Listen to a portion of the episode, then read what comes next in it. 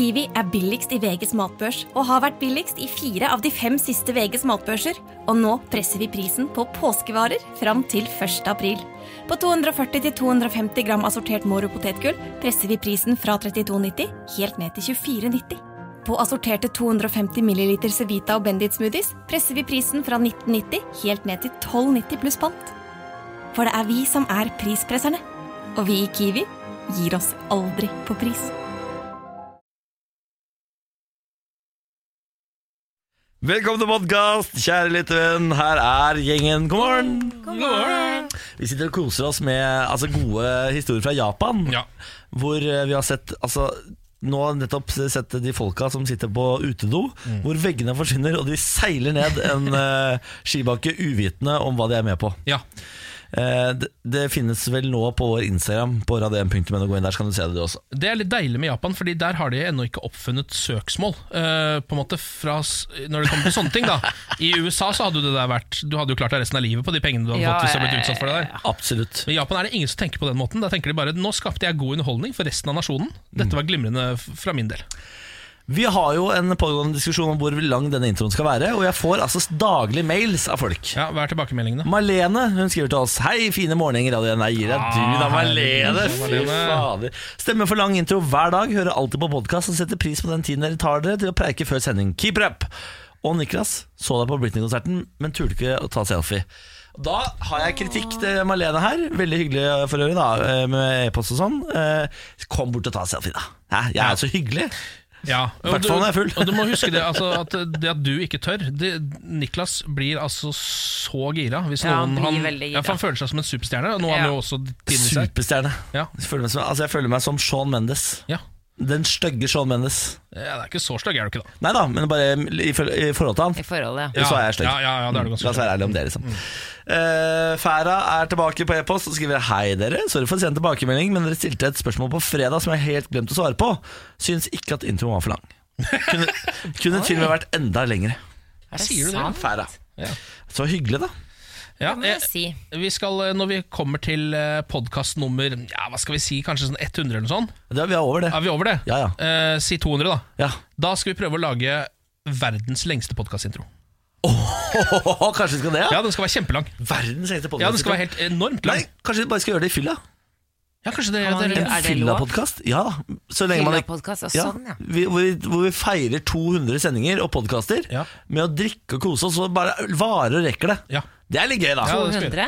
200. Ja, ok. Har jeg rukket å skvise ut en unge? Nei, det har du nok ikke. Jo, det har jeg. 200? Nei, vi har allerede passert 100. Å ja, sånn. Ja, jeg trodde du mente Ja, nei, glem det. Kanskje vi må si 300, da. Kanskje vi får se. vi får se. det er litt kjedelig hvis vi ikke kan være med. Jeg gidder ikke å drikke saft. Ja, men Du får jo være ordstyrer med, med to fulle er ikke. Nei, det vil du ikke. Nei. Nei, det vil du ikke. Eh, er det noen som har noe eksklusivt ek Nå har jeg mista tale, talefunksjonen igjen. Ja, Er det noen som har noe eksklusivt til dagens podkast? skal jeg tenke litt. da. Mm. Eksklusivt. Jeg, kan- jeg kan komme med noe eks eksklusivt. Jeg skal være med i et TVT-program som i dag skal hjem til meg og filme. Siste episode, eller siste innspillingsdag. Så I hele dag skal jeg stå og filme fra to til åtte i kveld hjemme hos meg. Ah. Så jeg må hjem nå, og så må jeg rydde, og så skal jeg begynne å pakke. Fordi jeg skal flytte snart, så jeg må innom nå en butikk og kjøpe masse pappesker som jeg kan uh, begynne å putte mine ting nedi. Og så kommer TV3, og så skal vi filme hele dagen. Og så skal jeg legge meg, og så ses vi i morgen. Og jeg er skikkelig sliten. Nei. Au. Det, Jeg ser du det som begynner å er bli litt sliten sånn, nå. når du, når du er sliten, det kan vi jo si til lytterne litt sånn uh, eh, behind the scenes, er at når Niklas enten er, la oss si, litt fyllesyk eller Mm. litt sliten, så er han på sitt beste. Fordi han får sånn fullstendig overtenning. Det stemmer. Mm. Og du- er bare dødsgira, for du er så glad. Jeg, føler meg bra. jeg. Føler meg bra. Jeg, jeg har et sånn sjettegir som jeg setter inn når jeg er sliten og fyllesyk. eh, som jeg, forsvinner når jeg kommer hjem. Da får jeg den fullstendige eh, knekken. Ja. Så i morgen sånn i liksom, tredraget, da er jeg, helt, da er jeg ubrukelig. Ja, men du, for du er, du er litt sånn som Petter Northug på oppløpet. Skjønner du? hva jeg mener? At det er sånn, Egentlig så er du tom for energi, men da går det fortere. Bårligbukse. Ja, bårligbukse. Herregud, bårligbukse. der har du det. Det er en fin sammenligning. Jeg liker veldig godt å Du være skal Petter ha Northug på det. Niklas, at du er proff. Et- Hør på dere, da! Fy faen, Da så fine først folk. Uh, møtte, første gang vi møttes, eller sånn Jo, nei, ikke første gang, men andre gang. Da, da skulle vi på sånn seminar for å uh, lage dette programmet, rett og slett. Det er 20 sekunder til nyhetene. Skal vi ta den historien på andre siden av podkasten? For en cliffhanger! Da må du høre på hele, så skal jeg fortelle hva Niklas sa om seg selv. For en cliffhanger Som jeg sa meg selv! Jeg trodde det var du som skulle skryte av meg. Ok. Okay. Kos dere med podkasten. På andre siden så kommer det noen skikkelig eksklusive greier. Vi snakkes hvert øyeblikk. Ha det. Kos dere. Morgen på Radio 1. God morgen, god morgen. Ken Vasenus Nilsen, Samantha Skogran og Niklas Baarli på plass, da, vet du. Så har det blitt tirsdag. Turbo, turbo, turbo-tirsdag. Ja, turbo tirsdag var det, stemmer det. Vi jobber oss jo sakte, men sikkert opp mot helga nå. Ja, eh, og nå er vi altså, allerede, selv om det virker som uka nettopp har begynt, snart halvveis. Ja da. Ja, da. ja. Altså, Fortvil på ingen måte. Ja, ja, ja. Den kommer jo før du aner. Ja. Hvordan er dagsformen? Bare bra. Jeg klarer meg ganske bra. ass. Ja, så deilig, da. Ja, så langt. Jeg har, jeg har ikke vært våken mer enn en times tid, men eh, jeg har ikke driti meg ut ennå. Men det er godt nok, det. Mm, jeg syns det. Vi kan si god morgen til alle som har skrudd på Radio 1 også. Send oss gjerne tekstmeldinger hvis du har lyst til det. Vi er jo på både Instagram og Facebook, og innbokser er jo tilgjengelig overalt. Radio1.no på Facebook f.eks. Send oss en melding, og det vi lurer på er hva driver du med, og hvor i landet hører du på? Vi elsker å høre på fra dere. Silje er fra Oslo og er med oss allerede. God morgen, Silje. morgen. Amanda har nettopp stått opp, og hun hører på fra Tromsø. Ja, Måtte du ha en liten stille stund Altså i fra, ja.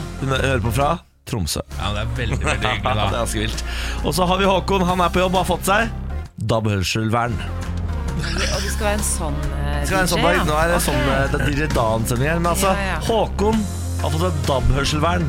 Det er veldig bra at de DAB-hørselvernene begynner å komme. Eh, Jeg jobba på sekkefabrikken i Moss en periode, eh, da jeg var rundt 16-17 år. Det elsker jeg at du faktisk har gjort. Ja, Da var jeg arbeiderklassegutt. eh, Og da, hvis ikke jeg hadde hatt hørselvern med radio, så hadde jeg blitt gal.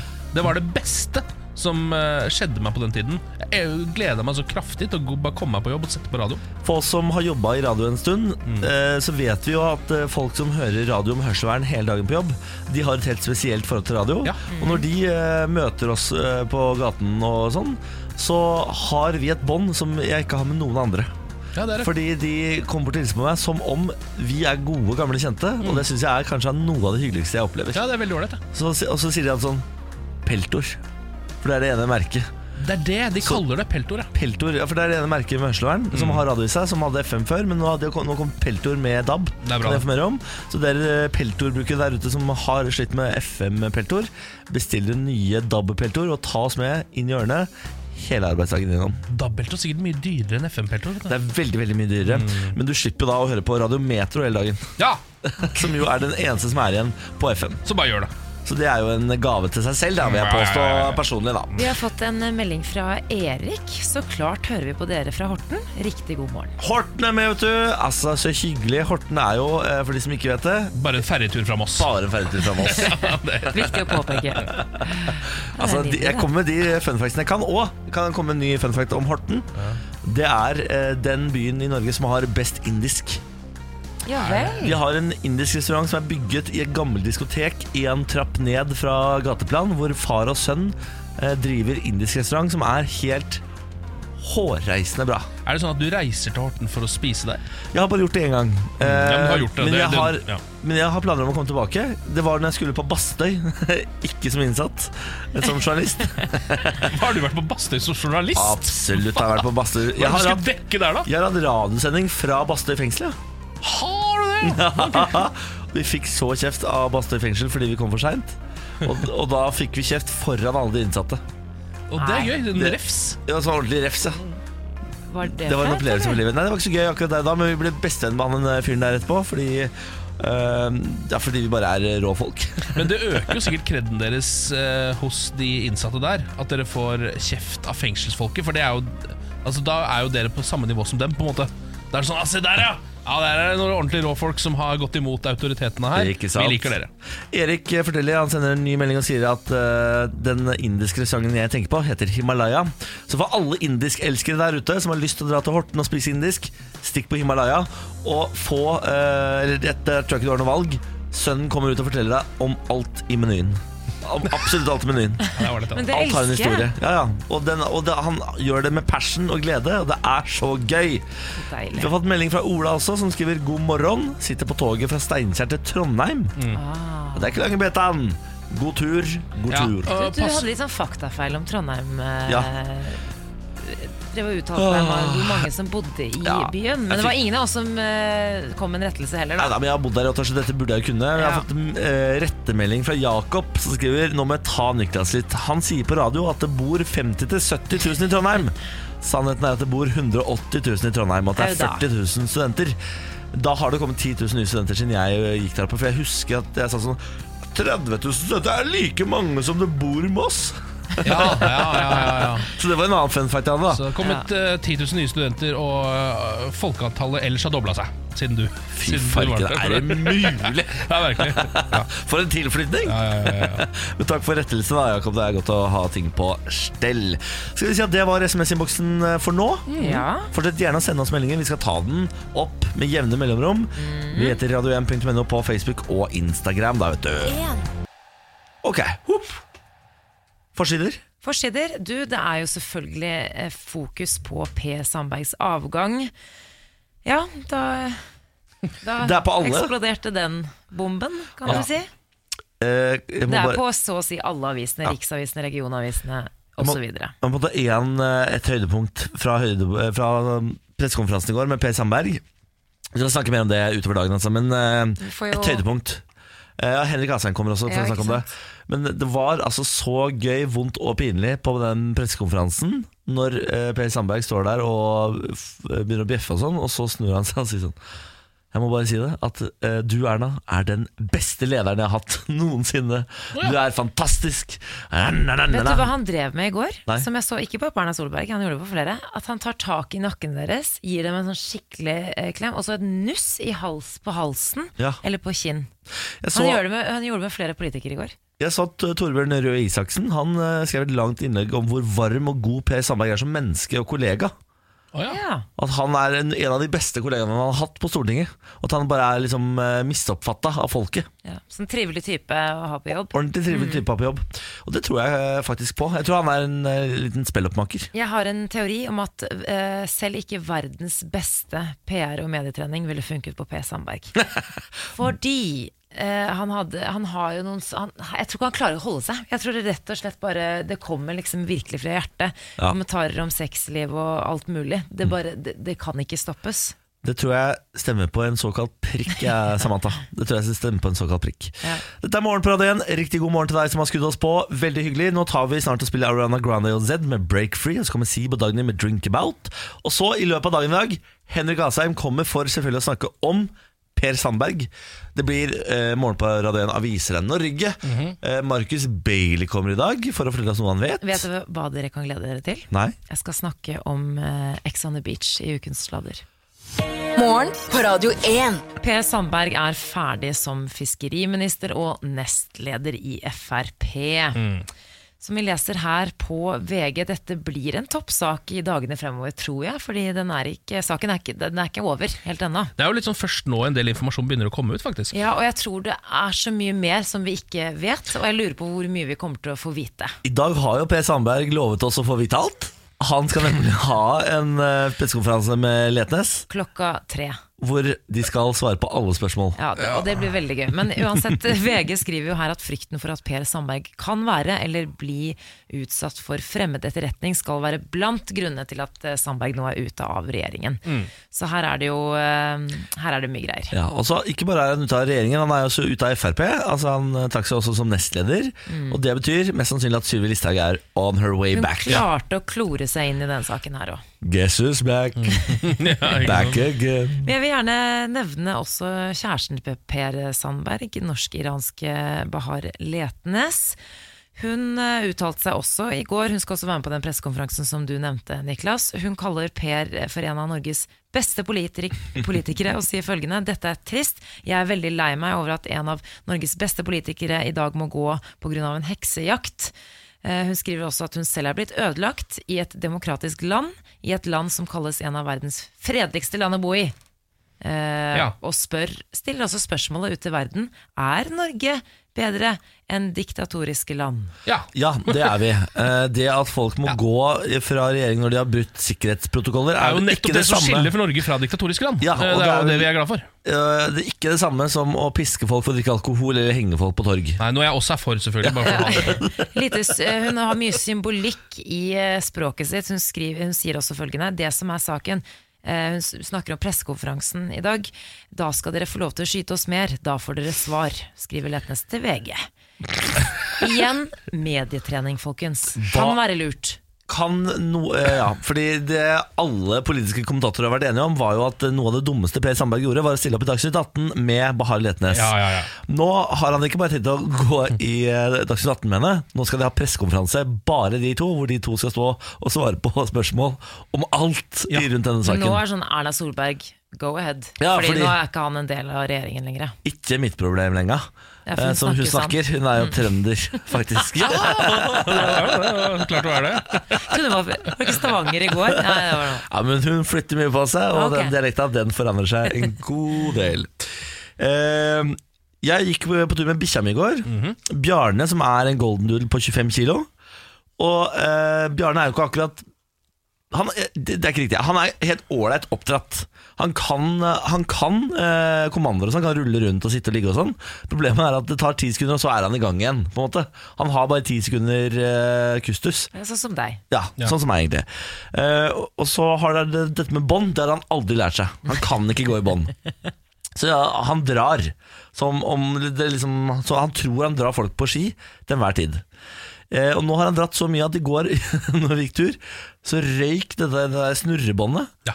eh, Tvers av Fordi Bjarne var i springfart Og jeg sto stille uten å se meg for Så, så når jeg snur meg til siden Så ser jeg Bjarne løper fort, fort, fort, fort Og jeg sier, det er ikke så mye igjen av det båndet her nå Og så sier jeg bare Smakk! Og så, sa, så blir jeg pisket som om det skulle vært Iran Å, Og jeg hadde drukket alkohol Ah. Smakk! Altså båndet bare sjoff, off, Over hele kroppen min Ai da. Og så måtte jeg gå Og da hadde jeg kommet ganske langt av gårde på turen Så jeg måtte gå med en sånn taustump Og holde tvunnet rundt, rundt hånda mi Og prøve å holde igjen denne gærne bikkja Til vi var hjemme Han er like stort som et menneske. Ja da. Han er, og han er ivrig, han er glad. Han, for det er jo bare det han er. Han er jo ikke skummel eller sint. eller sånn. Han er bare ekstremt, ekstremt glad og energisk. Noe som fører til at han er veldig veldig sånn slitsom å holde i en taustump. Hadde vært en habil blindehund, tror jeg. Hvis jeg hadde gitt den det oppdraget i en, en liten, liten periode. Stakkars det blinde mennesket. Ja, hadde Altså. vært dratt rundt hele byen her. Hadde ligget under en trikk nå, ganske, ganske sikkert. Eh, la oss ta en sak fra helga som eh, egentlig har gått verden rundt, men vi har ikke fått snakke om den. Nei. Mann jaget av ekorn ble reddet av politiet. Eh, Dette er en sak fra Tyskland, eh, fra Karlsruhe, eh, hvor en mann har ringt politiet fordi han sier at han blir jaget rundt av en ekornunge som ikke vil gi seg. Ja vel. Politiet tar mannen på ordet, tror på han, og kom, stikker til han og ser det med egne øyne. At han løper rundt i en park eller noe sånt med en, et ekorn som febrilsk løper etter han. De løper rundt i sirkler der. Og mens politiet står der og prøver å tenke sånn Ok, hvordan skal vi få mannen ut av denne situasjonen? Så legger ekornet seg bare ned for å sove, for da er det utslitt. Så da Da får de jo eh, Å, men jeg ser bildet Vet du hva, jeg tror det ekornet er egentlig smartere enn du tror. Fordi den, den bare la seg ned og så søt ut. Men Ja, Slapp den å få straff. Ja, slapp å få straff. Uh, Ja. Ser veldig søt ut. Og mannen ble jo da eh, geleida i sikkerhet eh, etter at dette hadde skjedd. Og så er det da en, eh, en eh, pressekontakt her som har satt seg inn i eh, ekorn... eh, Ekornets um, vaner, kan man si, som heter Christina Krentz. Og hun sier det at ekorn uh, Det som hadde skjedd der, var at dette ekornet hadde mista sin mor. Og da hender det visst at de plukker ut én person. Og bare følger og følger og følger fordi de håper at du skal ta den til At du skal være dens nye mor. Å nei, så koselig! Ja, så egentlig så kunne denne personen som trodde han ble jaga av ekorn, han var egentlig Så var ekornet bare keen på å ha litt omsorg. Det er jo noe av det koseligste jeg vet om. Dyr som eh, velger å ta for, eh, mennesker til foreldre. Når Ja. de har mistet, altså Det er så koselig. Og så, jeg så, hva, jeg så en annen historie om dette her senest i går. Var det en fugl eller noe sånt? Ja, det kan som hadde tatt en eh, mann til eh, sin uh, hustru, holdt jeg på å si. til sin far eller mor. Ja. Og han fulgte denne eh, fuglen i flere år til den døde. Ja. Hadde den i bil, Ja. på Det er skulderen, hadde den overalt. koselig. Det er så koselig. Flere sånne historier, Ken. Ja, og så Flere sånne. liker jeg også litt at eh, ofte når man, eh, når man Noen ganger så kan man jo for eksempel få et dyr som man merker at nå er det dyret litt opptatt av meg, men det er sikkert bare noe jeg selv innbiller meg. Men det er det ikke alltid. Nei. Er det dette som skjedde med Letnes, lurer jeg på. Ja, nå skjer det. Ja, ja, da, da er det høyt kaliber her. Ja. Dette er morgen på Radio 1. Vi har fått en eh, melding fra Ronny André som skriver God morgen. Utrolig gøy å jobbe mens man sitter og hører på radio 1 hele dagen. Hilsen Ronny. Det er koselig, Det er så hyggelig, da. Halla, God Ronny. morgen, Ronny. Ja, God morgen. Jeg har fått en eh, melding til fra en som vil være anonym, og dette skal du få lov til hvis du har lyst til det. Han skriver i dag hører jeg dere på, eh, live for aller første gang. Hører podkast hver dag, men i natt har jeg og noen venner vært våkne for å spille den nye utvidelsen til World of Warcraft. Så Ja. da passer det perfekt å høre programmet direkte. Så deilig, da. Håper musikken er like bra som praten imellom. God tirsdag. Ja, vi får håpe det, da, Dennis. Du har i hvert fall Alan Walker i vente, og en helt nydelig klassiker rett rundt hjørnet fra Christina Aguilera, Come On Over. Jeg har et vannpumpeproblem som nå har avslørt at jeg kanskje også hadde hatt et problem hvis jeg hadde havna i slåsskamp. En, en gang til. Bare en gang til. Litt roligere, Ken. Hva sa du? Jeg har et vannpumpeproblem. Du sa vannpumpe, ja. Ja, et problem med vannpumpa mi. Som har avslørt at jeg kanskje også hadde fått eh, enda større problemer hvis jeg skulle havna i en nevekamp. Hvor har man vannpumpe i 2018? Eh, Jeg, jeg vet ikke, jeg tror ingen har det. Eh, Det er egentlig bare jeg som har det. Kanskje fordi jeg bor i sjette etasje. Jeg vet ikke om det har noe med saken å gjøre, men den er inne i klesskapet mitt, på en måte. I gangen. Så det er litt sånn idiotisk greie. Det som skjer, er at hvis jeg setter på vasken og lar den renne litt, så, blir, så er det akkurat som at vasken er tett. Helt frem til, fordi vannpumpa Ja. fungerer ikke, så den sender ikke vannet ned. Skjønner? Er, er dere sånn Ja, cirka med? Så det eh, rørleggeren sa til meg, eh, som jeg syns kanskje er litt sånn middels rørleggerarbeid, men han sa til meg at det du kan gjøre, er å gå ut og slå på den. på vannpumpa. Altså bare, okay. bare gi den et godt knyttneveslag i siden, eh, og så vil den sette i gang og begynne å pumpe. Ja. Og det viser at det fungerer egentlig ganske bra. Eh, så hver gang det er tett i vasken min, så går jeg og banker opp vannpumpa, og så kommer det sånn Og så drar den ned alt vannet. da Problemet er at jeg nå har så forbaska vondt i neven. Ja. Um, og det fikk jeg egentlig første gangen jeg gikk bort der for å slå den pumpa. Og det gikk det opp for meg at hvis jeg hadde vært i en slåsskamp, så hadde jeg hatt ett slag. Og så hadde jeg hatt så vondt at jeg hadde ikke klart å slå slag nummer to. Ehm, jeg har aldri vært i slåsskamp før, så jeg vet egentlig ikke er det noen, Har Niklas, har du vært i slåsskamp? Jeg har eh, vært i slåsskamp, men det er ikke Det var ungdomsskolen sist, tror jeg. Ja, Var det nevekamp? Brukte dere nevene? Eller Absolutt. Og av stoler. Stoler, ja! Ja, men du må huske på at Jeg er fra gettoen i Moss, og der gikk det hardt for seg. Eh, Det var stoler. Jeg, på et tidspunkt i mitt liv så har jeg fått Bibelen kastet i fjeset av læreren min. Ja, ja, Vi hadde også en sløydlærer som jeg husker kasta en kniv mellom beina eh, på en av elevene i klassen. Det gikk fint, han fikk lov å jobbe dagen etter og resten av livet. Sånn, det? sånn du? Ken, jeg tror ikke du skal være bekymra, fordi uh, du vet sånn som det er på film, sånne slåsskamper. Ja. Det er faktisk bare på film. I virkeligheten så får de aller fleste ganske vondt i, hendene Det er ikke bare meg. Nei, nei, så det er ikke nei, at jeg har dårlige knoker. Nei, eller- du må ikke ha dårlig selvtillit på, på Ja, nei, altså En fyr uh, slo meg i fjeset så hardt at han knakk knoken. Altså, det var på du som- barneskolen. altså, du vant slåsskampen allikevel, på en måte, fordi han knakk noe? Ja, Jeg tapte slåsskampen der og da, men etterpå så var det han som hadde vondt i flere uker og måtte gå med gips. Ja, der ser du. Dette var barneskolen igjen. Igjen. Rough side of uh, Moss. Der ser du. Ja, men det, er- det er godt å vite. Da, uh, da har jeg det ene slaget i meg, og det burde holde, det. Ja, jeg kommer hadde satt pengene mine på deg. i Ja, en slåsskamp, Ken. Ikke tenk på det. Uh, Det er sak på nrk.no nå med overskriften 'Nå blir skaut mote'. Europas største kleskjede Sara, som vi har i Norge, og som alle kjenner til sikkert, eh, setter skaut på agendaen igjen med sin høstkampanje. Flere moteeksperter mener at tildekning av håret blir en trend i tiden fremover. Og du kan tenke deg folk hisser seg opp over lavsko her nå. Eh, Det er Melk og Honning som har fått lov til å uttale seg om eh, det, fordi tankene går selvfølgelig rett til liksom hijab og lignende. Hva er melk og honning? Melk er sånn eh, motemagasin, Ja. nettmagasin Ja. i Norge. Eh, og De blir brukt som eksperter her. Og De sier at det er en større og større trend at eh, motehusene drar inn uh, skaut og lignende for å tildekke hår, også i den vestlige verden nå. Og Dette er for å liksom åpne opp og tekkes flere folk fra flere sider av verden. da Samtidig med samme kolleksjon. Ja. Og så eh, er det selvfølgelig flere som reagerer på dette. Eh, Som mener at det er et paradoks at eh, den vestlige verden nå skal begynne å bruke mote av det som undertrykker kvinner i andre deler av verden. Ja, riktig. Og det er, jo, eh, det er jo litt spennende da hvordan dette her skal gå ut. Altså det blir jo, jeg må jo innrømme at jeg er ikke helt forberedt på at alle mine eh, altså nordiske venner, jenter, jentevenner skal begynne å gå med skaut på hodet. Fordi det er noe jeg har sett på budeier fra gamle dager. Ja, men var du forberedt da eh, for en tre-fire år siden alle guttevennene dine begynte å gå i tre fjerdedelsbukser? Du var jo ikke det. På ingen måte. Jeg, og jeg, og jeg protesterte høylytt. Ja, ikke sant? Og jeg gjør det fortsatt. Ja. Og, jeg, og den, der, den der rumpetaska over eh, magen, Ja, Sånn som jeg har. Sånn som du har, ja. Det, det er få ting som gjør meg mer eitrende forbanna enn det. Ja, Det er derfor du ikke snakker til meg når vi er ute. når jeg har på meg den Det stemmer, for da anerkjenner jeg deg ikke som menneskeken. Nei Eh, og det her er eh, også eh, egentlig et spørsmål til deg, Samantha. For det er jo du som eh, kanskje er mest truende til å gå med dette skautet. Ja, for det er på en måte to elementer her. Det ene er jo på en måte skaut som plagg. Syns jeg det er fint eh, som trend. Og så er det jo det på en måte symbolske elementet her. Eh, Jeg, ser, det var jo, jeg tror eh, det var en sak om det her i Dagsrevyen i går, og da var det jo snakk om mye med det her med stigma rundt eh, tildekning av håret. Så jeg syns det er litt sånn det er litt, eh, Jeg hadde ikke turt. Selv om jeg syns det var fint. Jeg hadde nesten ikke turt, for det er så mange meninger her. Og så er jeg litt usikker på hva jeg selv syns. Mange mener det representerer undertrykkelse av kvinner i Midtøsten. Andre mener at det er kjempepositivt. At det her kan bare bli en trend, og at det er fint for alle, og alle er inkludert. bare, hei altså, og hå. man drar det jo litt for langt. Det er jo først, altså jeg bare tenker sånn uh, Først så gikk jo Bruce Springsteen begynte å gå med sånn skaut på huet på 80-tallet. Eh, og så kom duraggen. Ja. Det er også en hijab. Ja. Liksom Det er en ren hijab, det. Ja. En durag. Men, ja, Det er bare at nå har man på en måte begynt å legge verdier i det som man ikke gjorde før. ja, problemet her er at man- de, eh, de muslimske kvinnene ikke blir enige med seg sjæl. Det er det som er problemet her. Fordi noen muslimske kvinner mener at det er undertrykkende, og for noen muslimske kvinner så er det undertrykkende. Mens for andre så er det jo noe de bærer med stolthet, og det er det som gjør det helt umulig å forholde seg til. Ja, men jeg tror eh, bunnlinjen her er at man skal gå med det hvis man syns det er fint, og hvis man har lyst til å gå med det. Det, det syns jeg. Ja.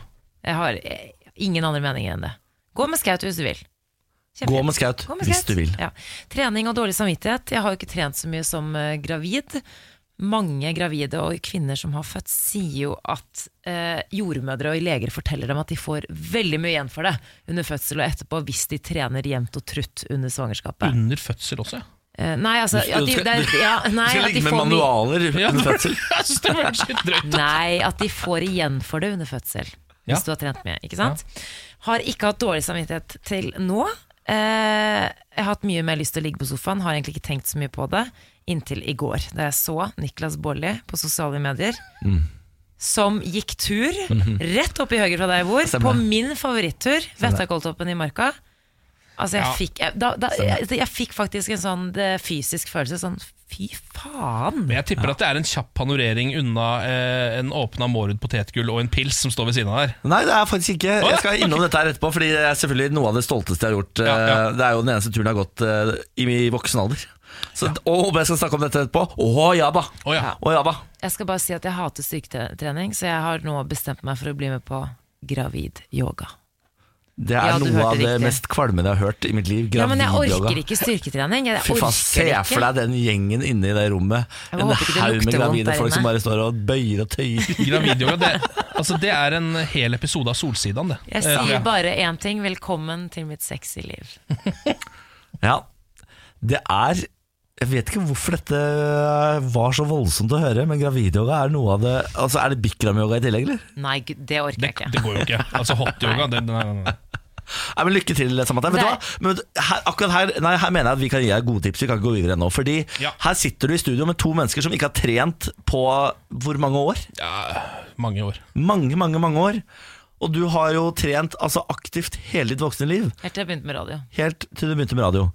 Eh, da kan jeg informere deg om at det fins så mye glede i det å ikke trene. Jeg vil si Det fins mer glede i å ikke trene enn det det gjør i å trene. Skal du trøkke ut en fire kilos baby ut av ditt underliv? Hver søndag. Ok, da Ja hva? Ja. Du har jo også lov nå. Da. Du, har liksom på en måte du er gravid, du har lov til å chille nå. Ja, det, det har jeg Det gjort jeg Jeg bare, det var. Niklas, at alle mennesker at det var Niklas som skulle gi meg dårlig samvittighet. Niklas, nå må ikke du begynne å trene. Du, hele verden forringes. Ja, Men slapp nå av, jeg skal ikke begynne å trene. Er du gæren nå? Nei, bra. Verden er forvirra nå. Jeg, Ja, ja, det blir varmere i været, og alt er bare kaos fordi du trener. Morgen på Radio 1. Hverdager fra seks. Nå nok en spennende nyhet fra Tyskland, eh, som er det jeg satser på i dag. I stad var det en, ja, jo en ekornnyhet eh, om en mann som har blitt jaget av et ekorn. Det gikk bra. Eh, Ekornet prøvde bare å få han til å bli sin far. ja, det er helt riktig. Eh, nå skal vi snakke om et dominorekordforsøk. Altså Du vet hvordan domino funker. Man setter opp sånne brikker, og så skal de eh, ved hjelp av eh, denne effekt, dominoeffekten, som det kalles, så skal alle brikkene til slutt falle. Den effekten var det nede. Ja. Ja. um, det var er da 20 folk som uh, over to uker uh, i, i nærheten av Frankfurt har satt opp 600 000 dominobrikker Nei, det er for mange. for å få dem til å falle. Uh, og da skulle de slå Jeg tror kanskje det var verdensrekorden de skulle sette i domino ved hjelp av dette her. I hvert fall en eller annen rekord, da. Ehm, etter at alt var satt opp, folk hadde kommet hit for å se at du bare skal knipse på den første brikka. Eh, rett før eh, dette skjedde, så kom det en flue Nei, nei, nei. nei, nei. og satte seg på en dominobrikke Nei. Orker i sjappa. så halvparten av dritten bare raserte, eh, mens resten bare sto der, da. Er det sant? Ja. Så det var da en flue som ødela eh, verdens lengste Men la oss ikke være dominoreaksjon. sint på flua, da. Nei, man kan, man kan nesten ikke bli sint på Det er en grunn flua. til at man har fluesmekker, er det ikke det? da? det er til å drepe de små fluene. Ja, Ja. jeg mener jo også at hvis man skal, er så seriøst på domino, så må man gjøre det på et sted hvor man vet at her finnes det ikke fluer. Men altså, 600 000 brikker, hvor lang tid tar det å sette opp noe sånt? da? Det må jo ha tatt uh, flerfoldige Ja. uker. Ja, Ja, det, det tok uh, over to uker for 20 mennesker. Uff a meg. Ja. God bedring. Ja. Nei, nei, nei, nei, det er jo helt galskap. Det Ja, er stakkars veldig folk. synd. Ja, ja. Dere, det er tid for litt eh, skikkelig sladder med stolthet og ære. Så er det min oppgave å holde dere oppdaterte på eh, sladderfronten når det gjelder verdenskjendiser. verdens eh. Men også her hjemme i Norge, da, selvfølgelig. Tenkte vi kunne starte med litt Hollywood-sladder. Eh, vår gode piratvenn Johnny Depp han sliter litt om dagen. Ja. Ja, Han har det ikke så ålreit, han. Nei, han har det ikke så ålreit. Eh, Og kun en måned før eh, planlagt premiere er filmen Notorious BIG City of Lies med Johnny Depp i hovedrollen fjernet fra premiereplanene. Kan jeg bare stille et spørsmål rundt Mm. det? Hvordan har Johnny Depp fått hovedrollen i Notorious BIG-filmen. han, skal ikke spille Notorious B.I.G. Eh, bare, så det, bare så det er sagt. Nei, vi har kommet litt lengre. Eh, det, er ikke Altså- sånn, det er ikke sånn som før i, på 30 30-tallet, hvor de malte skuespillerne nei, nei. mørke. Blackface, liksom? Nei, det er ikke Johnny Depp i blackface, det hadde jeg sett på. Det Jeg lurer på om han spiller politimann eller et eller annet sånt. Okay. Det er ikke opplyst okay. noen grunn til hvorfor, men nyheten kom jo rett etter at det ble kjent at en medarbeider på filmen saksøker Johnny Depp Ja. fordi han angivelig skal ha slått ham. Eh, Det er også to sikkerhetsvakter som har anmeldt han for å ikke ha betalt eh, de penger. Eh, og så er det jo Altså, det har gått litt nedover for gode gamle Johnny en god stund nå. Amber Heard, ekskona, Baben. Skuespilleren har jo anmeldt han for mishandling. Nå har han også anmeldt henne for mishandling. Oh, ja. Masse greier. Men det er fordi det tror jeg er det Altså Det er på en måte det verste som kan skje. Er sånn Filmen er kansellert, og for å kansellere en film så vet man at det skal noe ganske grove overtramp til. Det skal skje Ja. et eller annet ganske sykt. Ja. Og så er det sånn Men de vil ikke si hva det er. Nei, nettopp. Og det er jo det verste. Altså, er det metoo, da, eller? Ja, det er jo det. Nei, uff, det håper ikke det. Men vi, skal vi ønske han god bedring? Altså, det kan all ja. hell og lykke på veien. Johnny Depp tar deg sammen, da. Ja. Eller kom tilbake. Eller Ja. ha det bra. Ja, Eller noe sånt. ja, et eller annet sånt Nei, ikke ha det ofte litt. Så til en eh, god, eh, men ikke gammeldags eh, reality-godbit, nemlig X on the Beach, som har premiere i dag. Altså, Jeg gleder meg. Jeg kan ikke beskrive med ord hvor mye jeg gleder meg til denne TV-serien. Nei, Navnet sier jo litt, men hva er konseptet, egentlig? jeg kan fortelle deg, Det er fire gutter og fire jenter som bosettes i en strandnær villa på Mauritius. Tilsynelatende single. Tvisten for de som ikke har sett den britiske originalen, er at man importerer eksdamer og ekstyper til eh, Mauritius, til villaen, eh, og så ser man hva som skjer. Ja. Eh, VG har gjort intervju med flere av deltakerne. Eh, Tema eh, denne gangen var sjekketriks. Eh, Flere hadde gode tips å komme med, og for å gi et lite bilde av hvordan deltakerne ser ut før vi hører en liten, eh, et lite lydklipp, så kan jeg fortelle at to av de mannlige deltakerne under dette intervjuet her sitter i sofaen i baris med matchende eh, Louis Vuitton-skjerf rundt halsen mens de deler sine beste sjekketriks. Hør på det her. Nei, jeg liker å være rett på sak. da. Så hvis jeg er på byen, så sier jeg bare rett ut. eh, jeg liker trynet ditt. Skal vi hooke? Må ikke snakke rundt grøten, vet du. Men jeg går ikke fram til han og prøver å sjekke henne. Vi klarer bare å komme. Jeg sprer beina nå. Nei, det er ikke det. Jeg for min del prøver å være meg selv. Altså. Det, det pleier jo ikke å funke. da. Wait for it. Det er Herlig bukett! Det her er bare Jeg har ikke ord. Jeg satt og gosset meg med det klippet her gang på gang. Jeg kan komme med litt inside information, fordi eh, det er jo de som, eh, de, eh, som eier oss, egentlig, som lager dette TV-programmet. Er det de som eier oss som lager dette TV-programmet? Det stemmer. Eh, Rubicon heter det produksjonsselskapet. Og de eh, har eh, klippet dette. Og der Ryktebørsen sier at klipperne innimellom kommer ut fra klipperommene og tar seg pustepauser og klyper hverandre i armen og sier sånn Er det sant? Er dette ekte? Er det vi som lager dette? Er det sikker på at dette går bra? Kan vi vise dette på TV? Ja. Det er samtalen i kantina eh, mellom klipperne. Ja, det er, for det er noe med det. VG har anmeldt realityserien. De har jo sett ganske mye. De gir jo terningkast eh, fire og kaller det eh, godlynt trash-underholdning. Ja. Trash-underholdning. Ja, kjempebra. Jeg lurer på om de fikk en femmer i TV 2 eller sånn. Eh, Nei, ikke TV 2, men det må være Dagbladet eller sånn. da Jeg så en annen anmeldelse hvor de fikk fem, i hvert fall. Ja. Som sa at dette her er sånn trash vi hadde i gamle dager. Nå har det kommet tilbake igjen.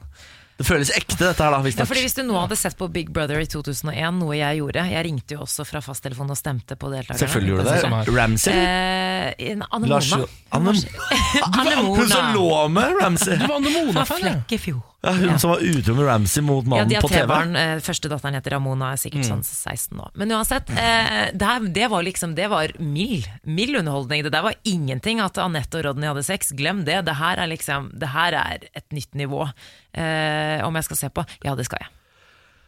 Jeg bare, la meg komme med det beste sitatet fra han Marius som er med i denne serien. Eh, hans store lidenskap i livet er god litteratur og analsex. Da skjønner du at du har en god fyr med i spillet. Men jeg ser egentlig ikke noe- i veien med å svare det. Det er ikke det verste svaret i verden. Det er et ærlig og fint svar, og jeg elsker det.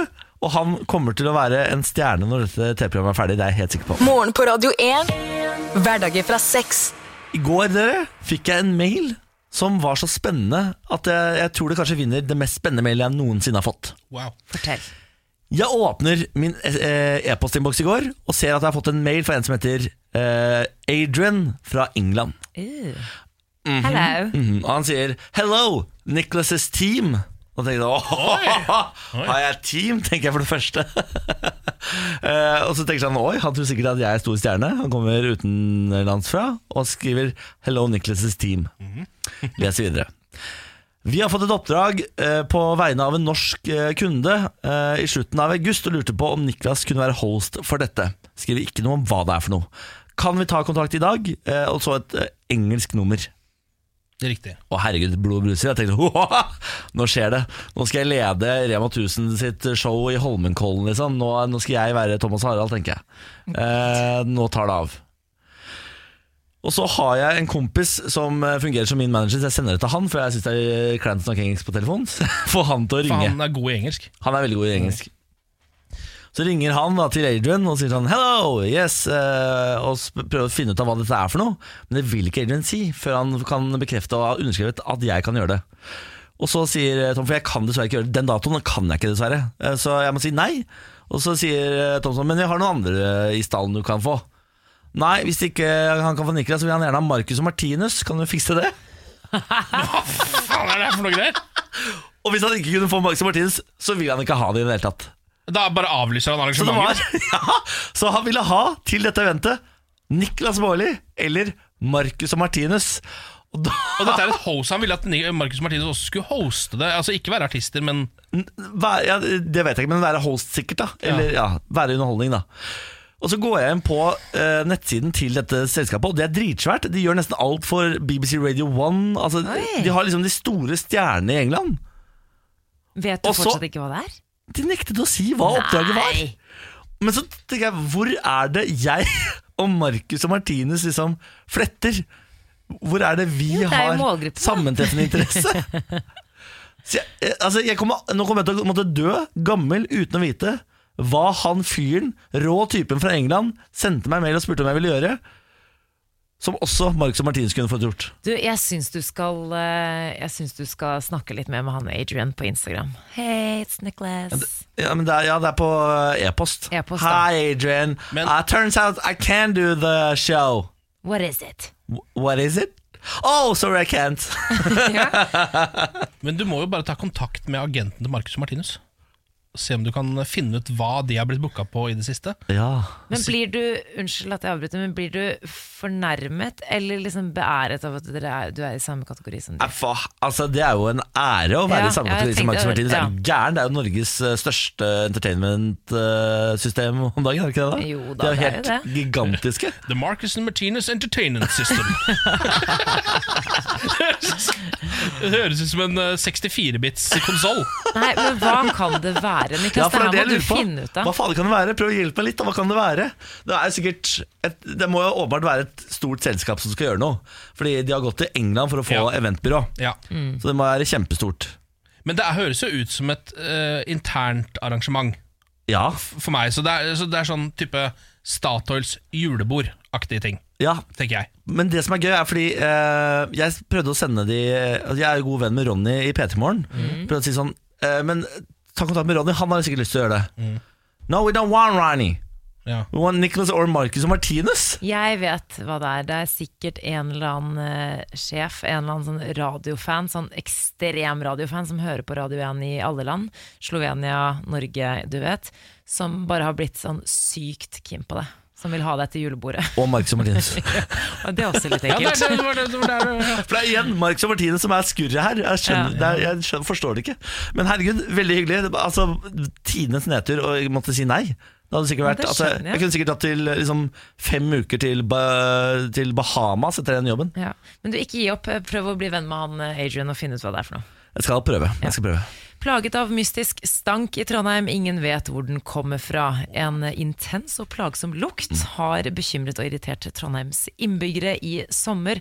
Hva det lukter og hvor den kommer fra, det er et stort mysterium. Det elsker jeg. Pirrer denne saken litt? ja, det gjør det. Ja, det gjør det. Mange har i sommer meldt ifram denne lukten, eh, men kommunen har fortsatt ikke funnet ut hvor den kommer fra. Det har luktet så innmari ekkelt som ihjelbrente kaffebønner. Det stikker skikkelig i nesen og er ubehagelig, sier Unni. Selvåg Ulvan. Hun og mannen har i sommer til tider ikke orket å sitte på verandaen Oi. på Møllenberg i Trondheim. Så ille er det. Eh, nå har de kanskje funnet frem til noe. Det er liksom litt lite spennende, så jeg vet ikke om jeg har lyst til å avslutte saken. Jo, Vær så snill, avslutt den. Ok, greit. Ho, to hovedteorier til hva som er kilden. Enten gassbobler fra bunnen i kanalen, eller damp fra et asfaltverk. Jeg trodde det skulle komme sånn en gammel skatt, eller sånn kloakk fra et skip på 1800-tallet. viste det seg at verdens største bæsj lå begravet et sted i Trondheim. Altså et eller annet sånt nå. Hadde- I en kiste som hadde liksom eh, bevart denne bæsjen. Ja, ja. Ja, Nidelven dro til slutt frem den gamle skatten, og der lå det 10 000 barnelik. I Nidelven. Ja, Fra vikingtiden, ikke sant? Et mysterium, men nei, det var bare gassbobler. Er fersk. Men det er kjedelig for eh, de i Trondheim. Da, måtte, og nå som Moss endelig har mistet lukta, så skal jeg vite, eh, vite at eh, jeg har sympati med dere. Jeg forstår hva dere går gjennom her. Eh, Vi har jo vært en by med dårlig lukt og dårlig rykte i alle de år. Nå er det bare dårlig rykte. Nå er det bare dårlig rykte. Altså Folk tror fortsatt Mosselukta fins. Kan jeg avkrefte? Det gjør den ikke lenger. Nei, It's gone, it's gone. den- er borte. Ja, den er borte. Dette er Morgen på Radio 1. God morgen, god morgen. Takk for at du har skrudd oss på. Og hvis du har noe på hjertet, send oss en melding på vår Facebook-side, radio1.no. Eh, Hvor er du? Hva driver du med? Det er spørsmålet. Vi har jo altså fått så mye hyggelige meldinger i dag. Det røyner på. Fortsett gjerne med det. Morgen på Radio 1. God morgen, Ken. God morgen, ja. God morgen, Samantha. God morgen. Jeg gir deg, du er så hyggelig at du hører på.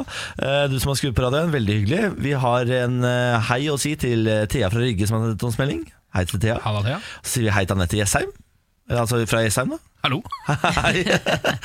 Jeg syns du skal bytte navn til Anette Jessheim nå, faktisk. Jeg synes jeg klinger godt. Ja. Og så sier vi hei til Henrik Asheim, god morgen. God morgen, god morgen. Som eh, er på vei til Arendalsuka, du da. Arendal. For nå starter politikken i Norge. Det er startskuddet. Nå har vi samlet alle nede i Arendal. Hvorfor i Arendal? Ja, kan du begripe det? Det er langt. det, er fint sånn, det er kjempefint i Arendal, men det er det man oppdager. Enten så kan du fly til Kristiansand og så masse styr med buss og sånn, eller så kan du ta tog i fem timer eller noe sånt. Kanskje velge et sted som har flyplass. Ja, det, har, det hadde vært fint. Ålesund altså Det er veldig mange byer som har flyplass. Oslo? Moss. Altså Rygge. Ja, det har de det. Ja, er den Ja. operativ lenger? Nei da, men kan, det er rullebane der. Kan lande. Ja, det er, Hvorfor ikke? Sette opp stands langs rullebanen. Ja. Det er veldig hyggelig å ha på besøk, Henrik. Vi skal selvfølgelig snakke om Per Sandberg, som har trukket seg. Ja.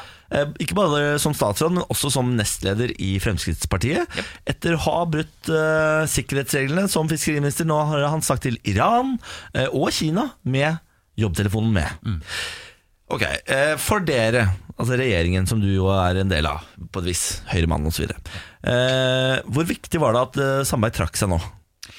Altså Det tror jeg var øh, øh, viktig og riktig. Fordi Ellers så hadde denne saken bare rullet og rullet. og rullet Vi ser at det er en sak Noen saker er sånn. Det er veldig mye informasjon som ikke er ute. Det gjør at det blir veldig mange kilder, rykter og sånne ting som det, som gjør at en sånn sak kan gå helt ut av kontroll. Eh, og så så man at Stortinget hadde mange spørsmål rundt liksom, hva har skjedd osv. Dette kunne man selvfølgelig tværet ut i en evighet, men spørsmålet er om man hadde overlevd uansett. Eh, og da er det kanskje like greit å gå av når man kan ta kontroll på det selv. Tror du noe på at han eh, selv i forrige uke sa han ville gå av, eller er det Solberg som har bedt han gå av? Det tror jeg på. Det tror jeg faktisk. Jeg tror han har sagt at uh, dette her orker jeg ikke mer. Nå ser du meg rett inn i øynene, så nå er du god til å ljuge hvis du Ja, nei, men jeg jeg tror faktisk det. Altså, jeg, tror ikke, jeg tror ikke Per Sandberg ville løyet om det på en pressekonferanse ved siden av Erna. Uh, hvis det var, ikke var sant. Uh, det tror jeg han har gjort. Og så tror jeg at de har snakket sammen lenge om liksom, er det nødvendig osv. Og, så og så har både Erna og Siv jo sagt også etterpå at de er enig i den vurderingen. Eh, I går på pressekonferansen så ville jo ikke Per Sandberg si noe om grunnen til at han trekker seg. Eh, men han har annonsert at i dag, han og kjæresten, skal holde en pressekonferanse. Hvorfor eh, velger de å gjøre det på den måten? Fordi husk på at Per Sandberg har nå vært statsråd i to og et halvt år. Han har vært nestleder i Frp i ja, jeg husker jeg ikke, mange år. Han har vært stortingsrepresentant siden 1997. Nå er han ingen av de tingene. Oi, oi, oi. Nå er han Ja. bare Per Sandberg. Ja, han er en vandrende kjeft. Ja. og Ja. betalende medlem i Frp. Ja. Det er rollen han har. Og det er sånn at Når du har den, alle disse rollene, så må du legge litt bånd på deg. Du kan ikke si hva du vil, du snakker på vegne av mange osv. Ja. Ikke nå lenger. Så hvor livredde er Frp, eh, dere i Høyre og Erna Solberg i dag? Vi er spent. Vi er veldig, veldig spent. Men det er jo ikke sant, altså sånn, ikke sant Hvor redd er Frp eller regjeringen? Eh, ikke så veldig bekymret, egentlig. Simpelthen fordi han har ikke noen rolle i regjeringen lenger. Han har ikke noen rolle i partiet lenger. Og han har jo, hva var det han sa i går? Erna er det fineste mennesket han Ja. noensinne har møtt. Det var veldig fint, da. Herregud. Ja, det var koselig sagt. ja, veldig, veldig tross Men det er jo, jeg, tror- altså, jeg tror jo ikke det er jo ingen i regjeringen som han kommer til å gå etter. Han kommer til å gå etter media. Og, altså, man Ja, vet jo ja. litt hva han kommer til å si. Ja, så Han kommer til å føle seg veldig urettferdig behandlet, og Ja. nå skal han slå tilbake. Måtte han gi fra seg statsrådstelefonen i går? Ja, Den tror jeg han måtte gi fra seg forrige uke. Jeg håper, jeg håper ikke han har den lenger. Den er ferdig, måtte- den er ferdig. Men får han kjøre svart bil fortsatt? Nei. Det, alt er borte over Altså, natta. det er jo jeg har jo, vært, jeg har jo vært gjennom dette. Ja, ja, det. For du var jo vikar for Torbjørn Røe Isaksen. Altså, det var jo ikke, jeg gikk ikke av for jeg hadde gjort noe gærent, men jeg måtte bare gå. Men, men eh, det er virkelig som å skru av en bryter. Det er sånn I det sekundet du har gått av, så har du gått av. Ja. Og da er de alle perks borte, telefoner borte, ingen kontakt, ingenting. Eh, la oss snakke om eh, den nye fiskeriministeren, Ja. som jeg ikke kjenner til noe særlig. Harald Tom Nesvik. Hvem er det, og hvorfor han? Eh, han har jo også vært eh, på Stortinget siden 1997. Han kom inn samtidig med Per Sandberg. Men han hadde jo forrige periode, i alle fire årene, så var han parlamentarisk leder. Som betyr at han i den første perioden Frp noensinne var i regjering, så var hans jobb på Stortinget å være sjef for stortingsgruppa. Og han skulle få igjennom alle mulige ting og har forhandla med KrF og Venstre i alle saker hele tiden. Det er annerledes at han er fra Møre og Romsdal og jobber med fiskeri, altså med oppdrettsnæring blant annet. Da. Å ja, han kan det? Ja, han kan feltet, og han er, veldig, altså han er flink til å forhandle. da Åpenbart en god brobygger, for det, Ja. hvis han har gått gjennom de greiene her før. Og så er han en veldig erfaren og dreven, dreven politiker, og det er ganske viktig. Men han er ikke noe tryne. Nei. Som det jo er lurt å ha ofte som statsråd. Han erstatter et veldig tydelig tryne, Mm. og så går han inn som et veldig utydelig tryne. Er det litt lite tryner i regjeringa nå? Nei, jeg synes ikke altså, Spørsmålet er er målet bare å ha masse tryner. Eller er det å få ting gjort?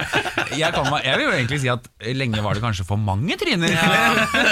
Vil du si det? Det er kanskje to måter å se det på. Ja, apropos tryner, eh, så er det, det skal jo noen som skal ta over nestlederjobben til Per også. Ja, Eh, og da har vi der, der er det jo et tryne som er en ganske god kandidat. Ja. Eh, Sylvi Listhaug. Ja. Eh, hvordan blir Sylvi Listhaug som nestleder, tror du, hvis det, hvis det blir? Blir spennende. Um, hun skal jo da sannsynligvis, ifølge pressen, da, velges i september av sentralstyret som sånn foreløpig nestleder, Så må hun velges på landsmøtet neste år. Men hun, uh, det vi gi henne en ny plattform. Mm. Eh, Da er hun en del av partiledelsen i landets nest største regjeringsparti. Mm. Eh, Så da blir hun, eh, får hun jo mer plass da igjen. Ah, så nå blir det Sylvi Listhaug-utspill over en lav sko igjen, og pressen kommer ikke til å skrive om andre ting. Ja, Og så blir hun jo ikke statsråd, så hun er bare Frp. Hun kan snakke Hun kan snakke FrPs mm. sak. Men det har jo vært mye bråk den siste uken. Hvor skadelig har denne saken vært for regjeringen, og ikke minst for Erna som statsminister? Jeg syns det er vanskelig å svare på. Eh, fordi det her er en sånn sak Erna sa det egentlig ganske bra også i forrige uke en gang. At ikke sant, det her er en sånn sak hvor alle, ikke sant, særlig pressen, er sånn Nå, avklaring, avklaring, få svar, sånn, sånn. Men hun skal også være sjef for hele regjeringen, og hun skal holde tre partier sammen. Så av og til så må hun si 'jeg kan ikke svare på det nå', eller hun må snakke med Per ganske mange ganger før hun kan begynne å kommentere i media. Jeg tror Det verste hun kunne gjort, er å det ble opplevd for i Frp at hun kasta Per under bussen. Ja. Hun er sjefen til disse menneskene også. eh, Og det betyr at eh, sånn sett så tror jeg kanskje kommentatorer og journalister syns det er en skandale. Men mange velgere tror jeg egentlig syns det var sånn Det var greit at Per gikk, men herregud, nå må vi ikke gå helt amok Ja. heller. Jeg tror folk, altså Når du snakker med folk, da når du sitter og spiser middag, sånn, så er det litt sånn Nei, men herregud, ja, ja, nå er det over, da. altså Det er litt sånn folk er.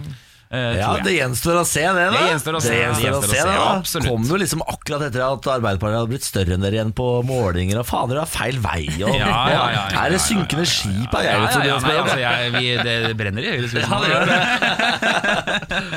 Henrik Asheim, vi må runde av, men tusen takk for at du stakk innom. God tur til Arendal. Tusen takk skal du ha. Ta og Vinn noen debatter, da. Skal prøve på det. Jeg gjør det. Morgen på Radio 1. Britney Spears var i Norge på fredag. Hadde en eh, sabla konsert, hun da. eh, og så fikk hun ternekast én i Norge, Sverige og Danmark etterpå. Eh, hun har jo også da selvfølgelig hatt, som alle andre popstjerner som kommer til Norge, meet and greet-opplegg. Ja. Eh, noe som betyr at du betaler veldig veldig mye penger, 5000 kroner, for å møte Britney Spears og ta bilde med henne. Eh, Dette kjøper jo folk. Folk betaler masse masse penger, og så tenker man sånn Å herregud, nå skal jeg endelig få møte min eh, store stjerne. Jeg skal få uh, uttrykt noen ord hun kommer til å huske meg for livet. Eller i hvert fall jeg kommer til å få noe jeg kan eh, eh, ta med videre i livet. Eh, og så klager man etterpå over hvor lite man egentlig får ut av det. Ja. Dette skjer jo hver eneste gang, Ja. med hver eneste popstjerne og hver eneste fan. Nå er det en ny kronikk i Dagbladet om en som har eh, opplevd akkurat dette. Hun mener at det var det verdt det. Altså, det, er, det, det er en twist. Hun har skrevet en lang kronikk. Det var verdt det. Oi, Ja vel, ja. Hvor mye betalte hun, og hvor lenge fikk hun eh, være med Britney? 5000 kroner i 20 sekunder. 20 sekunder? Ja. 20 sekunder. Det høres vanlig ut, Fordi det er jo egentlig den tiden det tar å ta et bilde. Det er egentlig fem sekunder. Ja. Så 15 sekunder er jo bonus, da. De ekstra 15 sekundene. Som hun eh, oppsummerer med på slutten av kronikken her Meet and greet-billetten kostet meg 5000 kroner Golden Circle med tidlig innslipp kostet meg 2500 kroner Hettegenseren, maten, drikken Hele kvelden kostet meg nok i overkant 9000 kroner. Da kommer vi til det store spørsmålet Var det verdt det? For meg, definitivt Er det, det Bra, da! Jeg vet ikke, er det kronikk? Jeg husker, ja, men det, ja, ja. Um, men det er jo ålreit, det. da. Katinka Sletten er det som har skrevet denne kronikken i Dagbladet i dag Og jeg- vet du hva, Kanika? Du er en livsnyter, og du fortjener applaus Ja, det vil jeg si. Altså, jeg elsker det Når du kan svi av 9000 kroner på en konsert som ikke er en konsert engang Det er bare høytspilling av en artist som så vidt orker å danse Og så møter du henne i 20 sekunder Og så har du betalt 9000 kroner for Gilde Og du er fortsatt fornøyd Da er du faen meg en helt for meg altså Men, for, men du er sikker på at ikke det, på måte, dette er litt sånn uh, uh, Hvor du sier dette for å prøve å overbevise seg selv om at det var verdt det? Ja, du jeg mener? fordi jeg, For det er sånn, no, Snakker man noen ganger at det er sånn der uh, At man liksom Ja, nei, jeg brukte jo sykt mye penger på dette her, og bla, bla, bla, og, men det er jo klart verdt det. Og, så merker du bare underveis når fyren sitter og sier at du klarer ikke å overbevise deg selv engang om at det var verdt det. Ja, har Nå sitter du liksom bare Nå har jeg lest kronikken to ganger Først med ironi som utgangspunkt Ja. Sånn, Jeg leser det med ironistemme i hodet Ja. eh, Og det stemmer ikke Det var feil. Fordi det, etter hvert så kommer det noen eh, De gråter greier Så fin er den konserten for de okay. Og så leser jeg det igjen med ditt utgangspunkt Ja. Og det stemmer heller ikke altså, Jeg tror hun oppriktig mener At disse tror jeg også. 9000 kroner Det var det verdt Det tror jeg også. Fantastisk. Er det ikke fantastisk? Jeg elsker det Niklas har et spørsmål til deg. Ja Er det innafor med egen eh, profil til kjæledyret sitt på sosiale medier? Dette er jo selvfølgelig en eh, eh, En debatt jeg har tatt med meg selv og Benjamin Ja. Om Bjarne skal få egen Instagram-profil Har ikke Bjarne det? Jeg var sikker på han hadde det. Og eh, nei, den- Den tok vi for syv år siden, for allerede da var det veldig veldig mange som hadde Instagram-profil til bikkja si. Eh, og så så man jo de få som liksom fikk det til å funke, som plutselig tjente masse penger på det og sånn. Pusekatten Jesper. Pusekatten Jesper, eller Einar the Frenchie, for mm. eksempel. Eh, men jeg har landet på at jeg har ikke interesse nok, eller gidd nok, eller energi nok til å gidde. Jeg orker jo så vidt å oppdatere med min egen eh, profil. Ja, fordi Hvis eh, den radiogreia du holder på med her, Ja. ikke skulle gå veien, så kan du faktisk tjene ganske bra penger på Bjarne på sosiale medier. Ja, De få åra han har igjen, si. Uff a meg. Det er kort business. Ja, Han men- er sju år. Ja, ja, ja, men uansett så tenker jeg sånn Det er ingenting som er søtere enn for det første dyr bare på sosiale medier, men også sånn Tenk hvis Bjarne er pensjonist. Pensjonisten Bjarne på Å herregud, Det er litt koselig. Det er litt koselig. På Instagram. Jeg lurer på om jeg skal gjøre som du gjorde i Friends, og stoppe han ut. Det må du gjøre! Hvor rått Det, hadde ikke ja, det det vært, er så liksom? psykopatopplegg å gjøre, så det må du bare gjøre. Hvor rått hadde ikke det vært? Dette er Bjarne bikkja jeg hadde for sju år siden. Men du Hvor dyrt er det?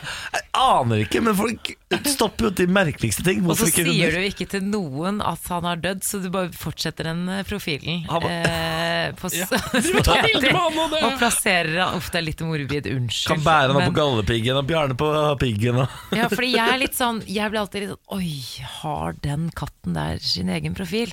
Men så tar jeg meg selv og liksom fniser og koser meg med bildene. Og det, er liksom, det er jo forsket på, det gir en feel good-følelse. Ja, ja. se dyr på sosiale medier. Jeg følger sikkert 20 forskjellige hunder på Instagram. Jeg, altså. Ja. Og jeg, det, er, det gir meg glede i livet. Ja. Er du, Huck the Doodle kan jeg anbefale. Det er en uh, bikkje som er klin lik Bjarne. Du ser nesten ikke forskjell på dem. Uh, bare at han er mye mer veldressert og bor i USA. Og flere følgere på Instagram.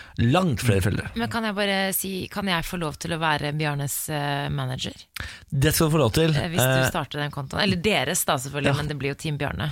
det skal du få lov til. Da er du, du eh, general manager for Bjarne the Doodle. Ja, for jeg kan skrive og snakke engelsk også, skjønner du. Men det jeg egentlig har lyst til Og jeg mener at jeg ikke kan snakke engelsk. Nei, si hva kan du gjøre. hører du ikke den uh, impeccable gode engelsken her? Unpackable. Er det ikke Hva sier man da? Impeccable. Impeccable! Farken der røyk det med en gang. Men det er, flank English, that's unpassable! det jeg har lyst til, er å få meg et dyr ikke, som ikke har Instagram-konto, og lage Instagram-konto til det. Jeg føler jo en, pu, en fyr som har en puma, for eksempel, i bånd. Hvem, Er det lov? hvem er dette? Det er en fyr i et annet land som har en puma, som han bruker som en egen hund. Altså De koser og ligger i senga og kjører bil, og det er helt crazy.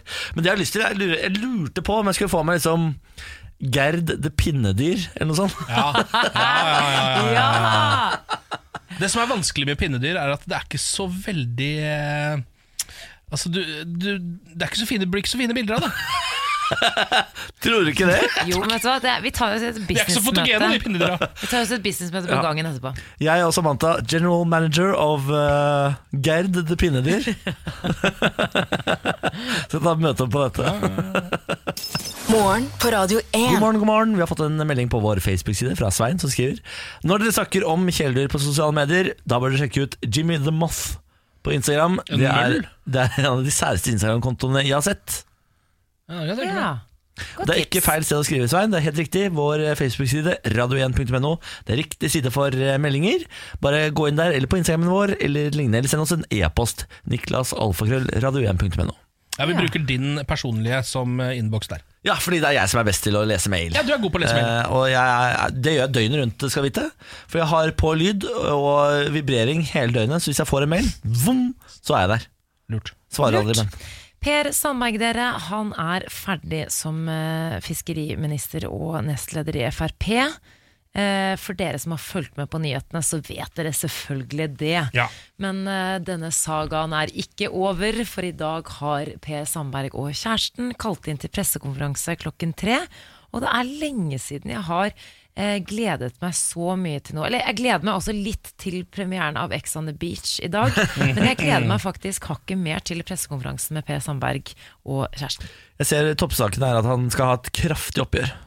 Ja, eh, og det blir jo med pressen. ikke sant? Det er jo pressen han skal ta her. Eller, eller bare snur han helt nå. Eller han kalte jo statsminister Erna Solberg for det beste mennesket han har møtt. Men han sa ingenting om Siv Jensen. Nei, det gjorde han ikke. Men han har jo altså vært en gan såpass god støttespiller for Siv Jensen alltid. Jeg kan ikke tenke meg at det forandrer seg. Men altså, Hvor mye skade han har påført regjeringen og statsministeren, det vet jo ikke fordi VG skriver jo at frykten for at Sandberg kan være eller eh, bli utsatt for fremmedetterretning, er jo en av de største grunnene til at han måtte gå. altså, han har sk det, Hva er det han har gjort? Hva er det han har gjort? Og jeg tenker sånn i forhold til den reisen til Iran, og lekkasjer, og hva er det de har fått tak i? Hva er det han har gjort? Ja, men det jeg lurer på er Siden han fortsatt er liksom eh, usikker for uh, rikets sikkerhet, da Ja. selv om han har gått av og sånn, lurer jeg på er de redde for at nå Iran skal komme til Norge, bryte seg inn hos Per Sandberg, waterboarde sannheten på enkelte ting ut av han, og så ra dra igjen? Nei, det er jo det at ha- den informasjonen som han, de eventuelt har hacka bort fra Per Sandberg Han har jo vært i Iran, så har han vært i Kina en tur. Eh, han har hatt med seg telefonen sin full av eh, dokumenter fra den norske stat. Hemmelige dokumenter. Ja. og ulike databaser med andre dokumenter som ikke bare er hans, men som liksom er altså, Han har jo hatt alt med seg på telefonen sin. Altså- og hvis det har blitt hacka, så har det jo ikke noe å si om han har gått av. For Nei det er jo nei, rikshemmeligheter som andre litt eh, land som vi ikke vil skal ha dem, kommer til å få. Men han er jo han, Til tross for alt dette, som du nevner, Ken, så var han jo en ganske blid mann eh, i går. Han er jo lynforelska fyren. Han er lynforelska. Og han var liksom så jovial, og det, det ble glad å se det på gjorde jo mediene Eller de nevnte jo det også i går. Han skulle gjøre en liten sånn avsluttende runde med pressen i går. Eh, vi må bare høre et lite lydklipp fra nettopp det. Du sitter jo heller ikke på Stortinget. Hva vil du bruke tid på nå? Ja, ikke sant? Det var det VG interessert i. Ja. Jeg ble interessert i sexlivet mitt også, de. Det virker som han har litt lyst til å fortelle om sexlivet sitt. Svaret er nei, Per Sandberg. Ja. Vi vil ikke vite om sexlivet Men P. Per Sandberg håpa i det lengste at noen skulle si sånn Ja, faktisk, hvordan går det egentlig med sexlivet med Letnes? Ja. Er det ikke mulig å få en kommentar på det, da? Men nå har han ja, nå har han et godt sexliv. Han kunne godt tenkt seg å fortalt litt om det. Altså. Fordi spørsmålet, spørsmålet Hva skal du gjøre nå som du ikke sitter i regjering, eh, er et ganske Det er et helt ålreit spørsmål fra en journalist. Ja. Men jeg, da. Ja, eh, Det er jo også påfallende at det første Per Sandberg tenker på når han får det spørsmålet, er sex. Det er sex. sex. For det er det som driver med. Ja. Studenter finner ikke bolig, skylder på Airbnb. Tobias Julestad fra Mo i Rana bor i en koffert og sover på sofaen til en kompis. I universitetsbyen Tromsø leier mange huseiere heller ut til turister enn studenter. Okay. Det er jo kaos om dagen vet du, når studentene skal innta storbyene, fordi eh, veldig mange er jo altfor seint ute til å skaffe seg bolig. I eh, Trondheim for eksempel, så er det jo det er jo nå det er deilig å sitte på en ekstra leilighet, fordi det er så lett å leie ut. Eh, jeg leide ut et soverom i leiligheten min i Trondheim eh, før, og på disse tidspunktene her, uff, da var det bare Altså det var, Da var det jappetid for Bårli. Da, da kunne du kjøre auditions Så, si sånn Dans, få si deg danse. Nei, da gjorde ikke det. Syng! Syng for meg, student! Syng! Ser du for meg. Han hadde vært så rå, han hadde vært så rå fyr hvis jeg turte å gjøre det. Hadde du det?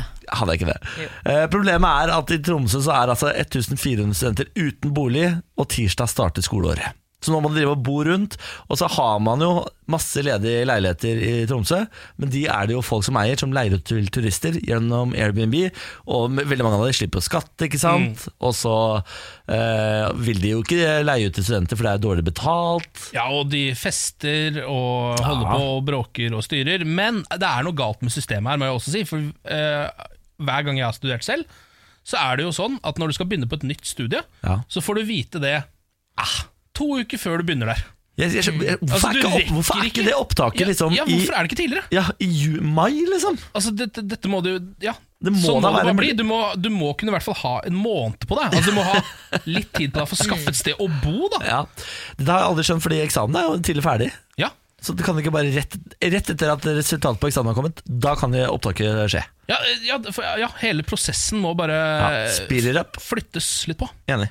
Skjerp dere. skjerp dere uh, Vi skal ha lokalnyheter, selvfølgelig, som vi har uh, hver eneste dag. Det er jo Karmøy-nytt eh, denne uka, Karmøy. som dykker, dekker Karmøy i Rogaland. Lido kommer fra Karmøy og har spilt på uh, trommesettet til faren sin. Er Lido Lido fra- Lido. Ja, Lille Lido. Ah, ja, som nå bare heter Lido. Ja. Eh, Geniet, han fra Karmøy. ja. Mm. Eh, vi var jo innom saken i går om at Hans André Hitzhaug Lien voksa brystet med gaffateip. eh, I dag er det følgende overskrift 'Lette etter mann med ljå i Kopervik'. Politiet fikk like før klokken 18 fredag kveld melding om en mann med ljå i Kopervik sentrum.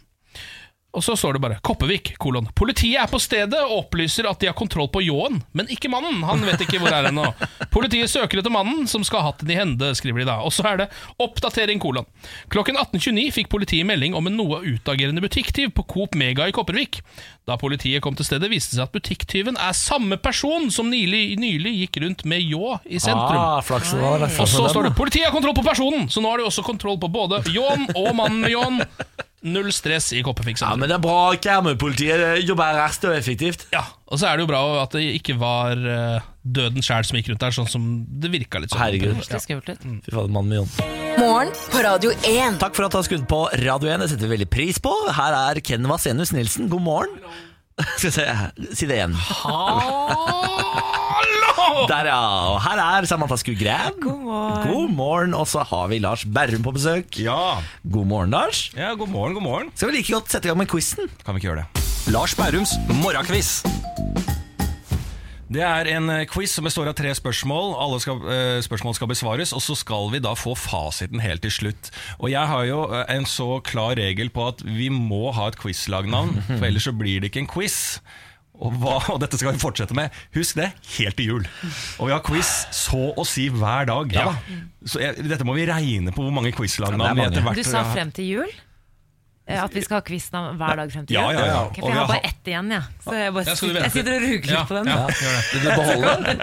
Si ifra når dere mangler, så skal jeg hjelpe dere. Ja, da, men Hvis du ruger på det, så kan jeg gi et. Altså. Ja. Klitti, klitti, gang, bang. Hva er det for noe? Chitty chitty bang bang. Ja, det er et ordspill på det derre Altså klitt altså, Nei, den er ikke godkjent. Nei, nei. nei.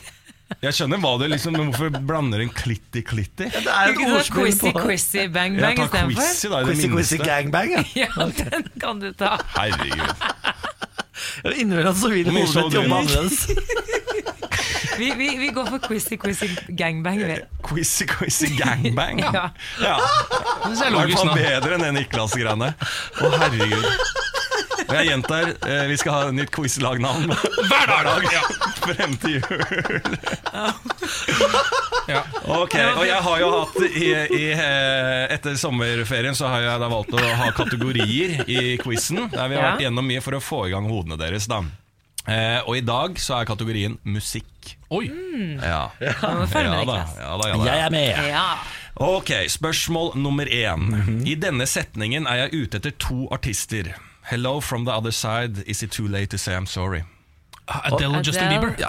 Eh, og oi, popprinsessen på siden her. Hello, Ken.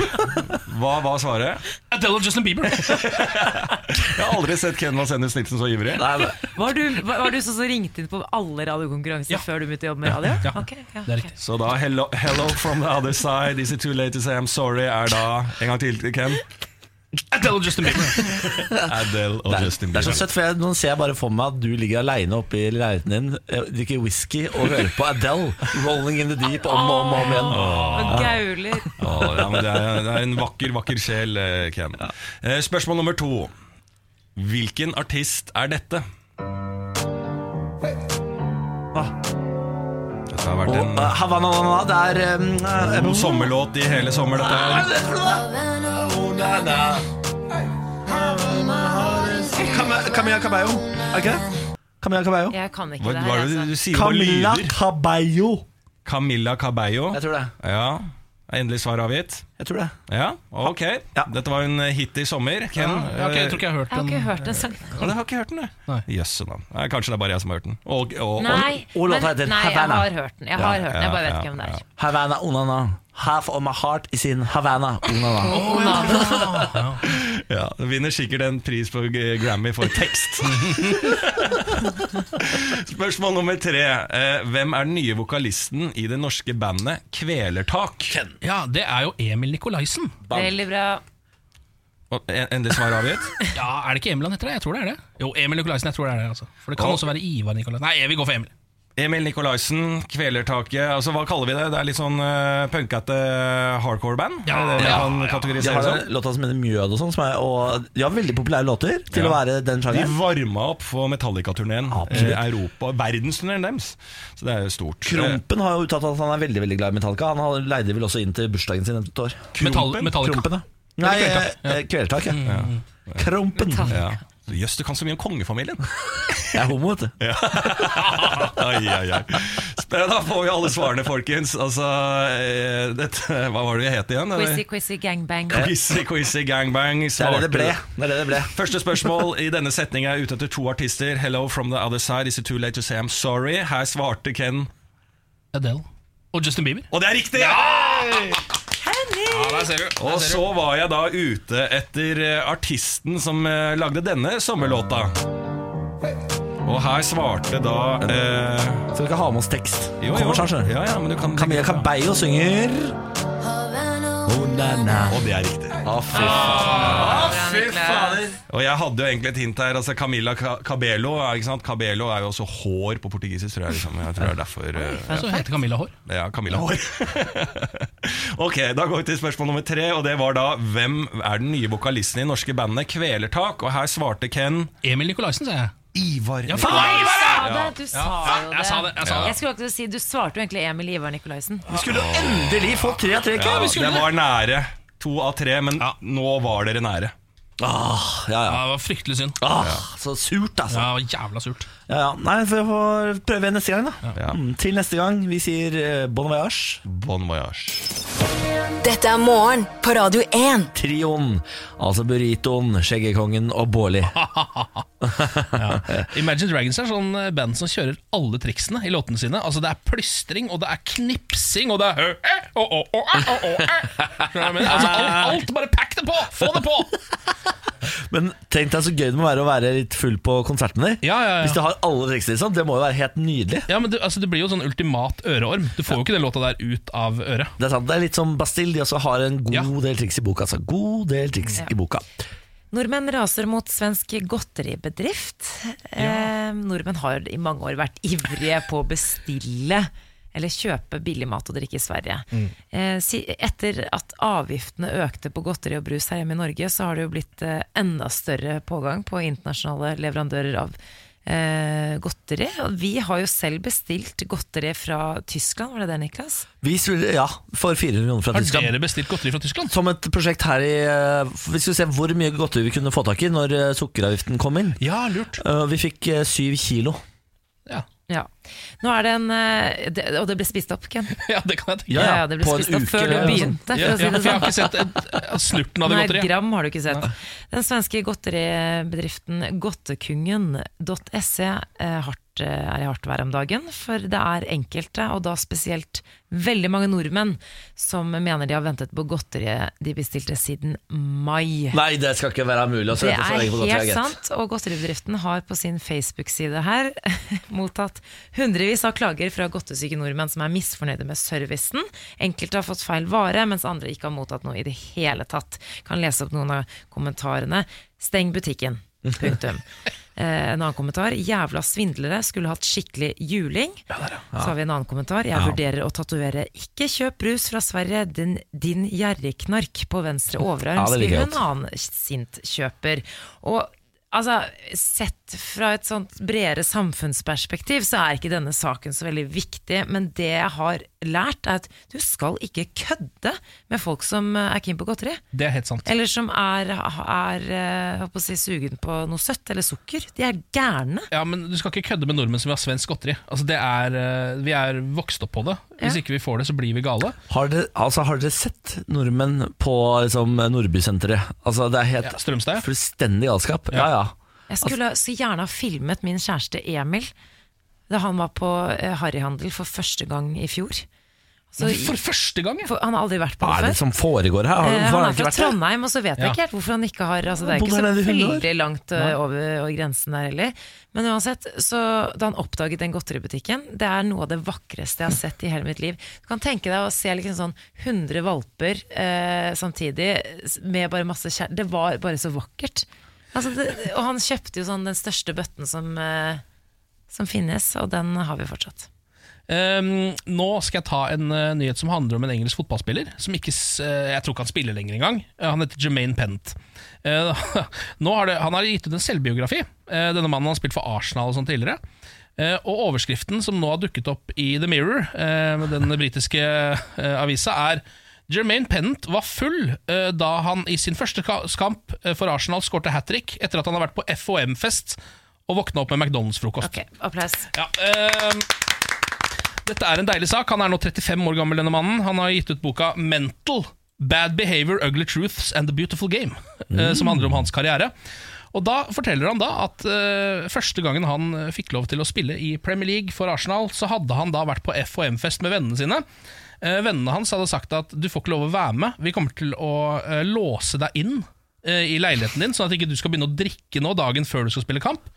Men Jermaine Pent sa jeg råler lover, jeg skal ikke røre en dråpe alkohol. Kan jeg ikke bare bli med og se litt? Det var vel da FHM-jentene. Det her er Ja. For Him Magazine. eh, Som er et manneblad, ganske stort borte i Storbritannia. Prøvde seg litt i Norge, gikk ikke så bra. Farken, altså. Ja, farken altså Um, Så da hadde han dratt på FHM-festen, da sittet der sammen med alle disse um, glamourmodellene. Drukket syke mengder, altså helt vilt mye, gjennom hele natta. Uh, våkna opp i senga si med en Mækkern-frokost som han ikke hadde spist. Fordi han hadde bare hatt den Kjøpt Mækkern-mat, tenkte han skulle spise den, sovna før han fikk spist. Våkna opp med posen under armen. Dette kjenner vi oss alle igjen i. Ja, ja, men Det er kritikkverdig å ikke spise den opp, men det er greit nok. Ja, ja, men da er det også deilig, for da har du det jo når du våkner. Eh, Så det var det han hadde gjort. Bare gafla innpå en ordentlig Big Mac og det som var. Og så eh, kom han jo på at han skulle spille kamp. Eh, Eller han trodde ikke han skulle spille, da. Det var litt derfor han også hadde drikket så mye. Fordi han var jo så ung at de tenkte sånn, han skal bare være på benken. Men så ble han med, og så plutselig var det sånn du skal starte Jermaine. eh, Og han var fortsatt full. Altså ordentlig full, liksom. Eh, Sendte han ut på banen der, fyren skårte hat trick. Vekk Ja. med en. Uh, Siden så har man nesten ikke hørt noe fra han. Nei, men det Ja, det er, det er, det er, er litt irriterende at han kan Fordi jeg vet jo hvordan jeg føler meg når jeg våkner opp med Mækkern-posen i soverommet, og det skjer. Ja. Jeg elsker det. elsker Det Det gir meg eh, troa på livet. Ja, Og fylla. Absolutt. I går var jeg på min første skogstur i voksen alder. Mm, Vent litt. gratulerer. Vent litt. Takk for det. Tusen takk for det. Jeg tok på meg eh, skogssko, eh, ryggsekk, eh, tok med meg bikkja. Skogssko? Ja, sånn, sånn tursko, da. Og gikk av gårde ut, eh, lurt med av min gode venn Tuva. Eh, tok med meg kjæresten min eh, Benjamin, som er veldig godt trent, som jogga foran oss mens vi gikk og svetta og husta bak. Gjør han det for å vise seg fram? Eller bare Nei, fordi han så på det som trening. Så han jogga fram, kom tilbake, jogga fram, kom tilbake. Eh, Så skulle vi opp til eh, Hva er det heter dit vi skulle, Samantha? Vettakolltoppen. Nei, vi skulle ikke dit, vi skulle til Frognerseteren. Skulle vi til. Ganske Og begynner- kjent seter. Ja, eh, og begynner å gå fra ett punkt og opp eh, til eh, den seteren fra der jeg skal Gaustad. Hvor lang tid vil du si det tar å gå opp dit? Nei, det tar Altså Det tar, det tar eh, en time, kanskje. Ja. En og en halv time har gått. Vi begynner å innse at vi har gått feil. Ja Eh, og vi begynner å surre rundt. Møter plutselig noen folk som bare ligger på en stubbe.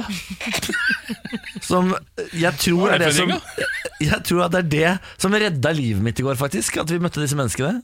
Eh, Vi får de til å peke og mene ting, og kommer til slutt fram til Vettakollen. Mm. Noe altså så flott da, gitt. En liten sånn der, liten stubbe, holdt jeg på å si. En liten sånn knaus. Favoritturen min. ja, En liten knaus hvor du ser utover Oslo. Og da så, sto jeg og så på Den hvite svane, altså danskebåten, komme inn. Den hvite svane! danskebåten komme inn over Oslofjorden. Mens jeg sto der og drakk vann og hata livet og var sur og sint Ja, fordi jeg var sliten. Ja. Og så sier jeg sånn Hvor langt er det ned? Det er en halvtime igjen. Og da trodde jeg at det skulle komme til å klikke for Niklas Baarli. Ja. For det er mye. Det var mye, ja. Fordi jeg var så sli- altså, du skjønner, Jeg skulle bare på en liten tur. Jeg ble lurt med Ja, på en liten skjønner tur. Men så har jeg åpenbart eh, liksom den litt lettere Lars Monsen i gruppa, som tror at hun og han veit hvor vi skal. Det vet jeg ikke. Så la meg bare eh, Hvis du noen gang skal på skogstur, du der ute, ta med deg noen som faktisk veit hva de driver med. Fordi Ja. det greiene her, det er ikke gøy. Så nå har jeg fått angst for skogstur. Så skal jeg lage podkast om det, som heter Skogsnøya. Og så skal jeg tjene masse, masse penger. På vegne av Niklas Baarli så vil jeg gjerne takke stubbefolket Ja. som eh, reddet livet hans i Ja, går. tusen takk. Ellers hadde jeg ligget der oppe i noe grått fortsatt. Veldig bra at du overlevde. Du kunne jo gått på en liten Christopher McCandles her, som er han fyren som eh, bare gikk inn i skauen og daua. Har du hørt om han? Nei, han har ikke Into the Wild, dette filmen. Sjekk den ut. Ja, jeg skal sjekke den. Takk, eh, Ken. Bare. Takk, Samantha. Og takk, Niklas Baarli. Første skogstur i voksen alder. 29 år. Oi. En skogens mann. Morgen på Radio 1. God morgen, og så sier vi god morgen til Markus Bailey, som ikke er helt god til å ta på seg headset. Det var ikke så lett. God morgen, Markus. Ja, god morgen. Velkommen til oss. Takk. Hvordan står det til med herremannen? Jeg er trøtt. Ja, men det er lov. Du har vel, kanskje, har du startet liksom livet liv igjen etter sommeren, eller? Eh, nei. Nei, det var ikke det. Nei, men sånn er det med sånn frilansliv. At man liksom aldri Man er alltid på ferie. Det er jo det. Altså, du, du må være flink til å skru på vekkerklokka og dra på Espresso House, har jeg lært. Ellers så føler du ikke at du ikke har et liv. Det er så on point. Ja, Ja, det. det er akkurat, akkurat sånn det skal være. Marcus Bailey, eh, barne-TV, deltaker i Mitt dansecrew, programleder i Idol. Eh, skal være med i eh, Nei, har vært med i Skal vi danse. Og så eh, så jeg, jeg så deg i Book of Mormon. Ja. Det var gøy. Ja, ja, ja. Er dere skal, spiller dere fortsatt, eller er den ferdig nå? Jeg, jeg, jeg, de spiller fortsatt. Ok, du jeg, er ute. Jeg har gitt meg. Har du gitt det? Ja. Ble det for hardt? Eh, eh, det, nei, det er det det ikke ble. Okay. Det, ble, det ble for lett etter hvert. Og det høres skikkelig teit ut nå mot hele sånn skuespillermiljøet, hvor jeg bare kommer inn og fikk jobb og- Vær han fyren er nå. skikkelig drittunge nå. Nei, men det er det at man eh, Det å holde på forestillinger, så gøy. Etter forestilling 155, da blir man litt lei. Ja, det tror jeg på. Ja. Ærlig sak. Hvordan Ja. overlever Frank eh, Kjosås og sånn eh, fortsatt? Men han er proff. Ja. Ikke sant? Det er, han har en knapp. det, det er Men forskjellen. Kjosås er såpass god at han gjør jo forskjellige ting Ja, hver gang. ja, Også han- han endrer på manuset, han styrer og ordner, han. Han, og han har jo, har jo liksom sånn to andre liksom, forestillinger samtidig. Ja. Nettopp, De, ja. han er på liksom et annet nivå, da. Ja, nettopp. Men uh, lille Revy-Markus syns det ble litt mye. Etter hvert så sånn, nei, nå, vil, nå greier jeg ikke mer. Det kan jeg skjønne. Jeg ser i mine papirer at du har noen uoffisielle prosjekter på gang denne høsten. Uoffisielle prosjekter. Det høres så flott ut. Ja. La de da. La de da. Nei, men det er jo sånn det alltid er. da For jeg er sånn her, Man tror ting skal skje, og så tør man ikke å si noe. Fordi plutselig så er det noen som bare sånn Nei, kødda! Du skal, skal, skje, du. du skal ikke jobbe, du! Kom deg ut! Vekk mer. Eh, Markus, du er her for å være med i spalten eh, Fortell oss noe du vet. Ja. Er du klar? Eh, ja. Fortell oss. Fortell oss, fortell oss noe du vet. Skal jeg fortelle noe dere vet. Ja. Det er at alle elsker å hate Drake. Det er Drake, Ja ja. Det er. Drake. Eh, og det, det, det jeg hadde liksom tenkt å prate om da, var hvorfor man elsker å hate Drake. For han er verdens beste og deiligste artist. Samtidig som han er verdens mest harry drittfyr ever. og det er eh, Og det syns jeg er rart. Det sliter jeg ofte med selv. da Jeg sliter med forholdet mitt til Drake. Fordi jeg går jo rundt og hører på han hele tiden og, og, og føler noen ganger sånn Åh, jeg er så Jeg og Drake, ass. Jeg bare, han skjønner meg, jeg skjønner han. Samtidig var det bare sånn Å, fy fader, for en dust! Jeg hater han. Uh, så det, det er greia. Det har jeg tenkt å prate om. Og Hva da- er det du elsker med han? Ja, vi begynner der, da. Ja, men det er bare sånn Sangene hans er eh, maze. Uh, de er kjempebra. Alt er bra. Alt, alt. Det er ikke noe han har laget som er dårlig. Til nå. Vil jeg tørre å påstå. Uh, uh, og, det, og så er han samtidig Han er snill. Han er ikke noen sånn gangsterdude. Og Så er han fra Canada istedenfor USA. Ikke ja. sant? Og så er han også, og, men det er også et problem. og så er det også sånn at han er, han er morsom. Han har masse talent. Og så er hun en jovial type. Jeg sliter med å høre hvorfor du også hater ham. Han er så åh! Mm. Eh, eh, Drake er eh, en fyr som bare sånn Du vet han ene eh, som du gikk på ungdomsskole med, som, som ikke var kul nok, eh, men prøvde skikkelig. Han er sånn streber. Sånn Ja. skikkelig strebertype. Og så ble han fyren da plutselig kul, og ble nummer én. Ja, I min klasse så ble han IS-kriger, han. Ja! Han ble skikkelig Drake. Ja. Men dette er Moss, Ja, Niklas. ja, ok. ja, I Toronto så er det litt sånn annerledes. Da, da blir man internasjonal rapstar istedenfor. Altså, Eh, men det bare, han, han, er, han, han prøver å være så kul, og så syns jeg ikke Drake trenger å prøve å være kul når han er Drake. Ja. Og, det, og da blir jeg litt sånn Det at han går rundt og skriver sånn mm, I got a lot of Rihannas, au Og så bare sånn Ja, men det er klart du har det! Du er jo Drake! Slutt å si til meg hvor liksom fett du har det. Og, og, og ikke bare det, men også det at han skal si hvor kjipt han har det. Eh, på en fet måte. Men så, på den der Marvins Room, hvor han synger om liksom kjærlighetssorg, Ja. han har det så trist. Og så bare sånn oh, I had sex four times this week, I'll explain. Han er sånn, åh, Og du hører bare sånn Å, det er synd på deg, Drake. Du har sex fire ganger denne uka. Å nei, Drake! Jeg lurer på hvilken dame vil ha deg tilbake. Når du har liksom pøka rundt eh, det, det er tidlig å snakke om det her på kanskje på morgenen, men det er litt sånn der Er det mulig? Og derfor blir jeg, hater jeg og elsker Drake. Nå eh, Jeg skal prøve å analysere det du nettopp sa, Markus. Ja. Du elsker Drake, for han er verdens feteste fyr. Han lager bare bra musikk, og han er fra Canada. Ja, Og så er han hyggelig. Ja. Men du hater Drake fordi du er sjalu. Ah, er det det der? Mm, mm, god analyse. Takk for det. Ja, eh, ja, kanskje litt bitter på Drake. Eh, skulle ønske jeg var Drake.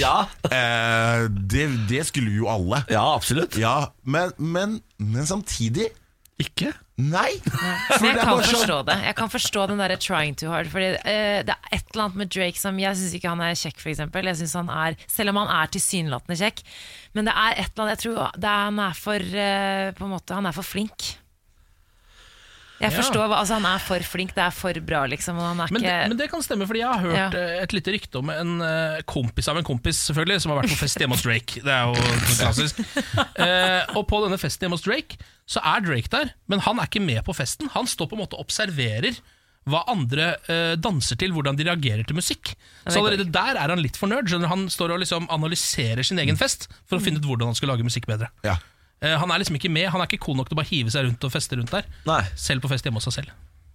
Og derfor hater man, men elsker Drake. Ja, fordi det gjør jo da at musikken hans blir jo ti ganger bedre på neste album. Mm. Mens de sier sånn Men herregud, da, Drake, ha det litt hyggelig! Ja. Kynisk jævel. Kos deg, liksom! Er det mulig? Og det at du den sjekker av med Drake òg, det, det er sånn jeg sliter med. For jeg, syn, jeg er sånn er han, er, er, Fortjener han alle disse damene? Han er jo ikke pen nok. Ja, Og så går det et sekund, og så bare Jo, han er jo Ja, kjempepen. er og så går det et sekund, og så bare Nei, men han er jo ikke pen nok! Er Altså, jeg hadde jeg, Du og jeg hadde liggemann, Samantha. Det er jeg helt sikker på. Ok da Ja, altså Ja. ikke. Ikke. Altså, du hadde, han hadde vært baby daddy til det der lille frøet du har inne der, hvis det hadde vært mulig. Kanskje. Bytta til Emil Helle Svendsen any day of the week, du. Det er jeg helt sikker på. Jeg hadde nok ligget med han, jeg òg. Ja, ikke sant? Nettopp. Det er jo Drake. Ja, Ja, jeg hadde sikkert tatt en runde med Drake. Ja, du hadde jo det, vet du. Du Ja, ja, ja. hadde jo det. For å se hvordan det var. Og sånn er det med Drake. Uh, Marcus Bailey, takk for at du kom innom og lærte oss litt mer om Drake. Ja. Uh, nå skal vi avslutte med Drake, tenkte vi da. Det må jo gjøre det passende. Skal vi ikke bare ta In My Feelings, da?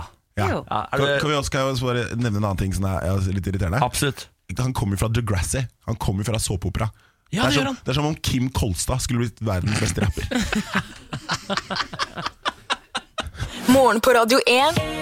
Hverdager fra seks. God morgen, Samantha. God morgen. God morgen, Ken. Morgen, morgen. God morgen, Pernille. God morgen! Ah, guten morgen, guten schön, guten uh, baguette. Ja, ikke sant. Sånn er det til, da. Hvordan står det til med deg i dag? Jeg Husker dere at jeg forrige uke fortalte dere at jeg hadde tatt en fotmaske? Ja, du dutta Eh. føttene ned i en pose med gugge og fikk barneføtter. Det stemmer. Eh, nå har altså hamskiftet begynt, og jeg flasser som et he... Altså, føttene mine har aldri vært eklere enn det de er akkurat nå.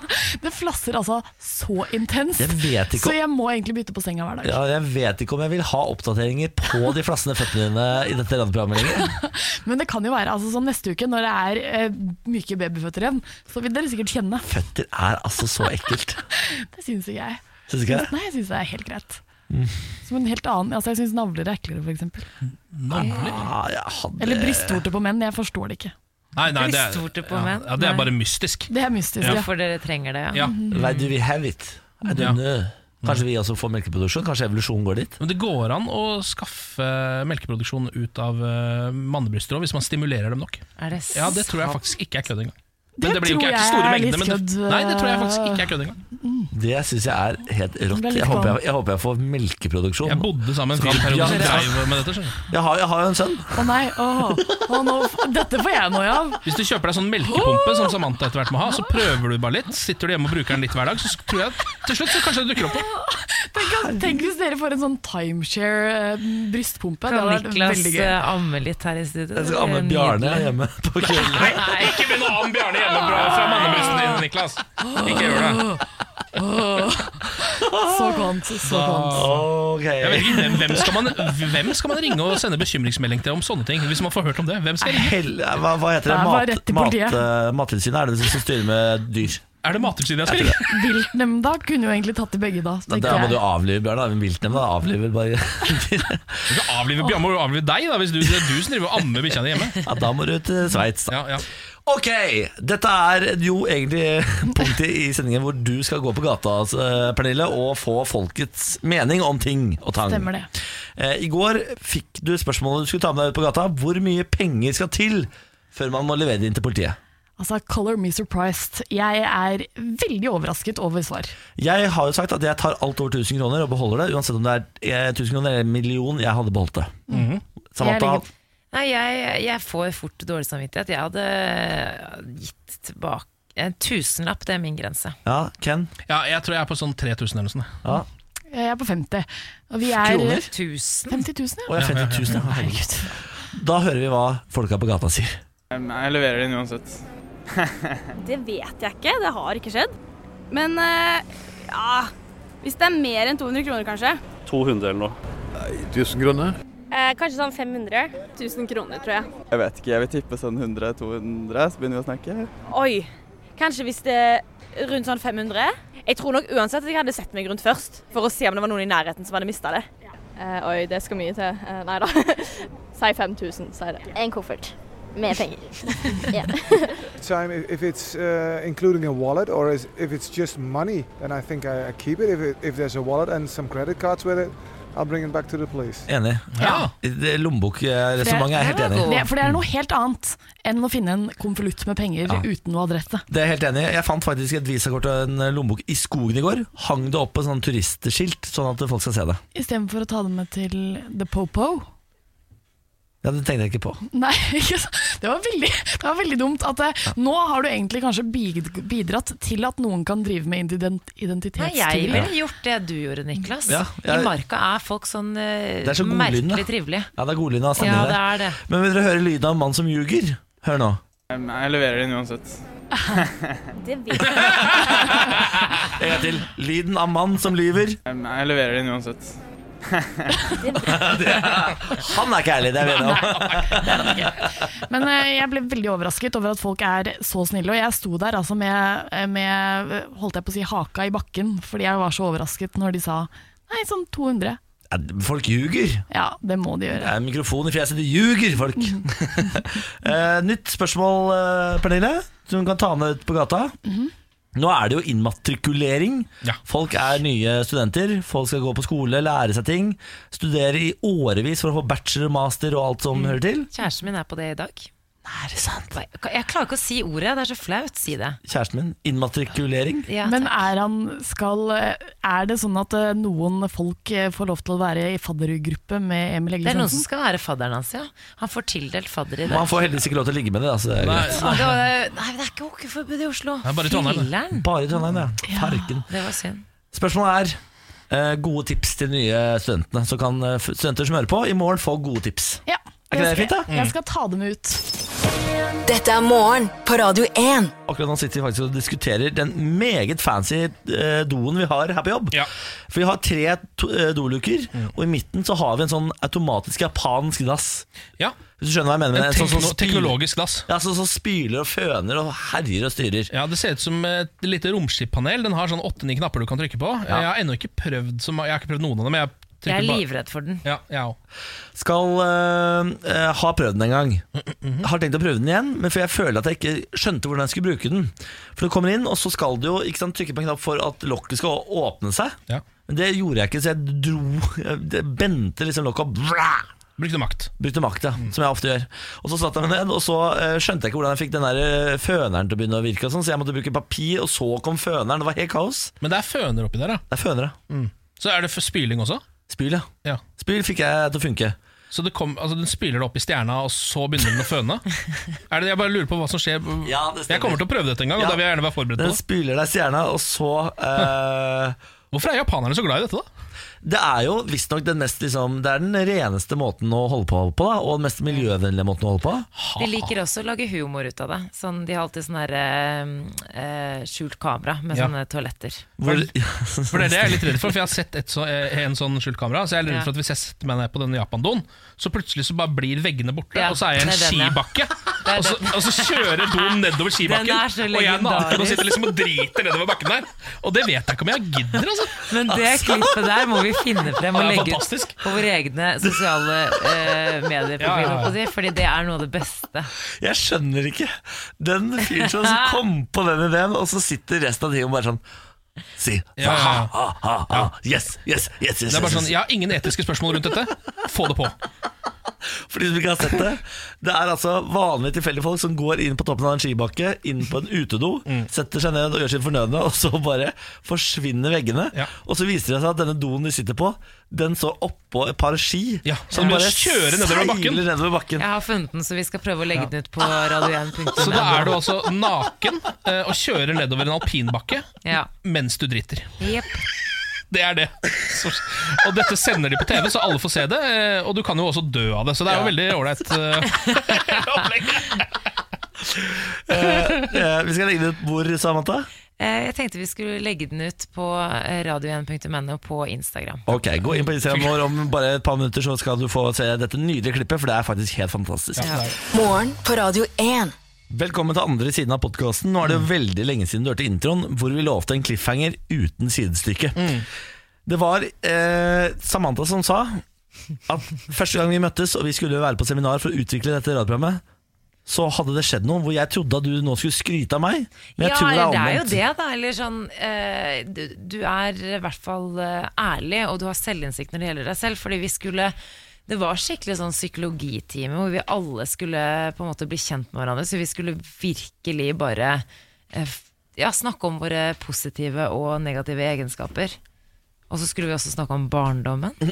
Og vi skulle snakke om eh, kjærlighetsforhold. Det var alt som man hater å gjøre på jobb. Ja, litt sånn skikkelig go deep for å komme inn i karakteren eh, Niklas Baarli, f.eks. Og det var det. Du hadde ingenting positivt å si om deg selv. Hvor, hvor det var faktisk et tidspunkt der jeg bare Oi, er han skikkelig dust, eller? Men han sa liksom én ting kan jeg skryte på meg, og det er at jeg er proff. Hei! Og det stemmer faktisk helt. Men, men du er ikke helt dritt ellers heller, da, som menneske. Du har jo faktisk eh, andre sider. Jeg husker jo også at jeg på det møtet sa Nei, men du, du, du kan jo ikke være så ille. Altså sånn, Du må jo ha andre egenskaper. Nei, det har jeg ikke. Nei, nei, okay. Er det sant? Var jeg så hard mot meg selv? ja, skikkelig. Jøss. Men proff, eh, det skal du ha. Falsk beskjedenhet, det er jo helt rå. Ja, for det er det det er, ikke sant? Det er, Ja, det er det det er. Ja. Eh, det var, men det var det. Det var den cliffhangeren, dere. Gratulerer. Ja, det var veldig fin. den. Gratulerer med å komme til andre siden av podkasten for øvrig. Dere er jo, altså I tillegg til at podkastlytterne er våre beste lyttere, så er jo dere altså krem de la krem, for dere har hørt det gjennom hele. Så da skal jeg gi dere enda mer eksklusivt. Jeg har én låt om dagen som jeg altså ikke klarer å slutte å høre på. Vil dere høre den? Ja. Hæ? Hva er det her? Det her er Sisi med Fine Girl. Ah, norske Sisi? Jeg tror ikke det er norsk, det. Å nei. A bando. Oh, fett. See. Er god, altså. Den er god. Det er rett og slett litt sånn danshall som du sitter og koser deg med. Dansehall! Ja, ja, Ja. ja. Sitter da vet du, med øremuffene på foran datamaskinen og spiller dataspill til deg. Ja. jeg ser for meg vorspiel med, med gjengen, jeg, da. Ja, nettopp. ja Dette er sånn musikk de hører på. Som du gjorde før i tida? Hadde forspill med Ja, gjengen? Ja, Før du ble preggers? Sånn. Ja, jeg fikk, nettopp, jeg fikk et bilde av en uh, venninne på en sånn, sånn, eh, sånn gruppe vi har på WhatsApp, av meg på trikken, tolvtrikken i Oslo eh, i fjor, med en svær flaske inn i kjeft. Mm. Satt jeg og gurgla. Men det var livet før, dere. Time to say goodbye Ja. Det er over det der livet der nå, Samantha. Ja, vet. Nå er det bare gode, gamle Milfen Ja. som som snart skal gå rundt og trille på baren. Tenk at jeg bare er 28 år, da. I noen dager til. Når er det bursdag? På søndag. Har du det? Har du bursdag på søndag? Ja. Men Herregud, vi må jo gjøre noe greier på mandag. Nå ble det Ja. voldsomt press på oss. jeg forventer jo ikke Altså ikke på mandag, glem mandag. På fredag skal det være et eller annet, syns jeg. Fikk jeg gave når jeg hadde bursdag? Når hadde du bursdag? Nei. Jeg fikk ikke gave når jeg hadde bursdag, nei. nei da slipper jeg det, da. Så da er det opp til deg, da, Ken. Ja, du mener at du ikke trenger å kjøpe noe? Nei, Jeg fikk jo ikke gave når jeg hadde bursdag. 10. april. Jeg fikk jo heller ikke gave da jeg hadde bursdag i januar. Da jobba jo ikke du her. Nei, men Jeg syns vi skal starte med en ny tradisjon. For neste gang så blir vi jo 30, og sånn, da må vi i hvert fall ha gave. Så Ja, vi kan starte 30-årsdagen, med meg, da. Ja, ok, ja, greit. Jeg skal se om jeg finner noe. Takk. Vi, skal, vi må starte med deg som blir 29 fordi vi snart blir 30. ok, greit Den logikken følger vi. Kvæ, kvæ, kvæ, kvæ, kvæ. En annen låt jeg elsker om dagen. Bare spill den. Den nye Justin Bieber-låta av Khaled. Er det når han danser skikkelig Ja.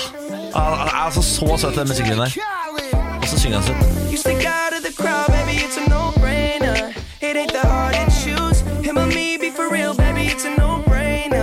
Ah, den er god, altså. ah, nei, da sier vi takk for i dag, da. Ja. ja. Du har ikke sagt noe eksklusivt Til hele podkasten? Nei. Uh, skal vi se om jeg kommer på noe på tampen her, da. Ja, uh, adgangskoden min for å komme inn her på jobb er 0061. Du trenger kortet mitt også, det er ikke noe, det er ikke noe viktig informasjon, men det, det er jo eksklusivt. Jepp, da kjøper vi den. Takk for i dag. Ha det.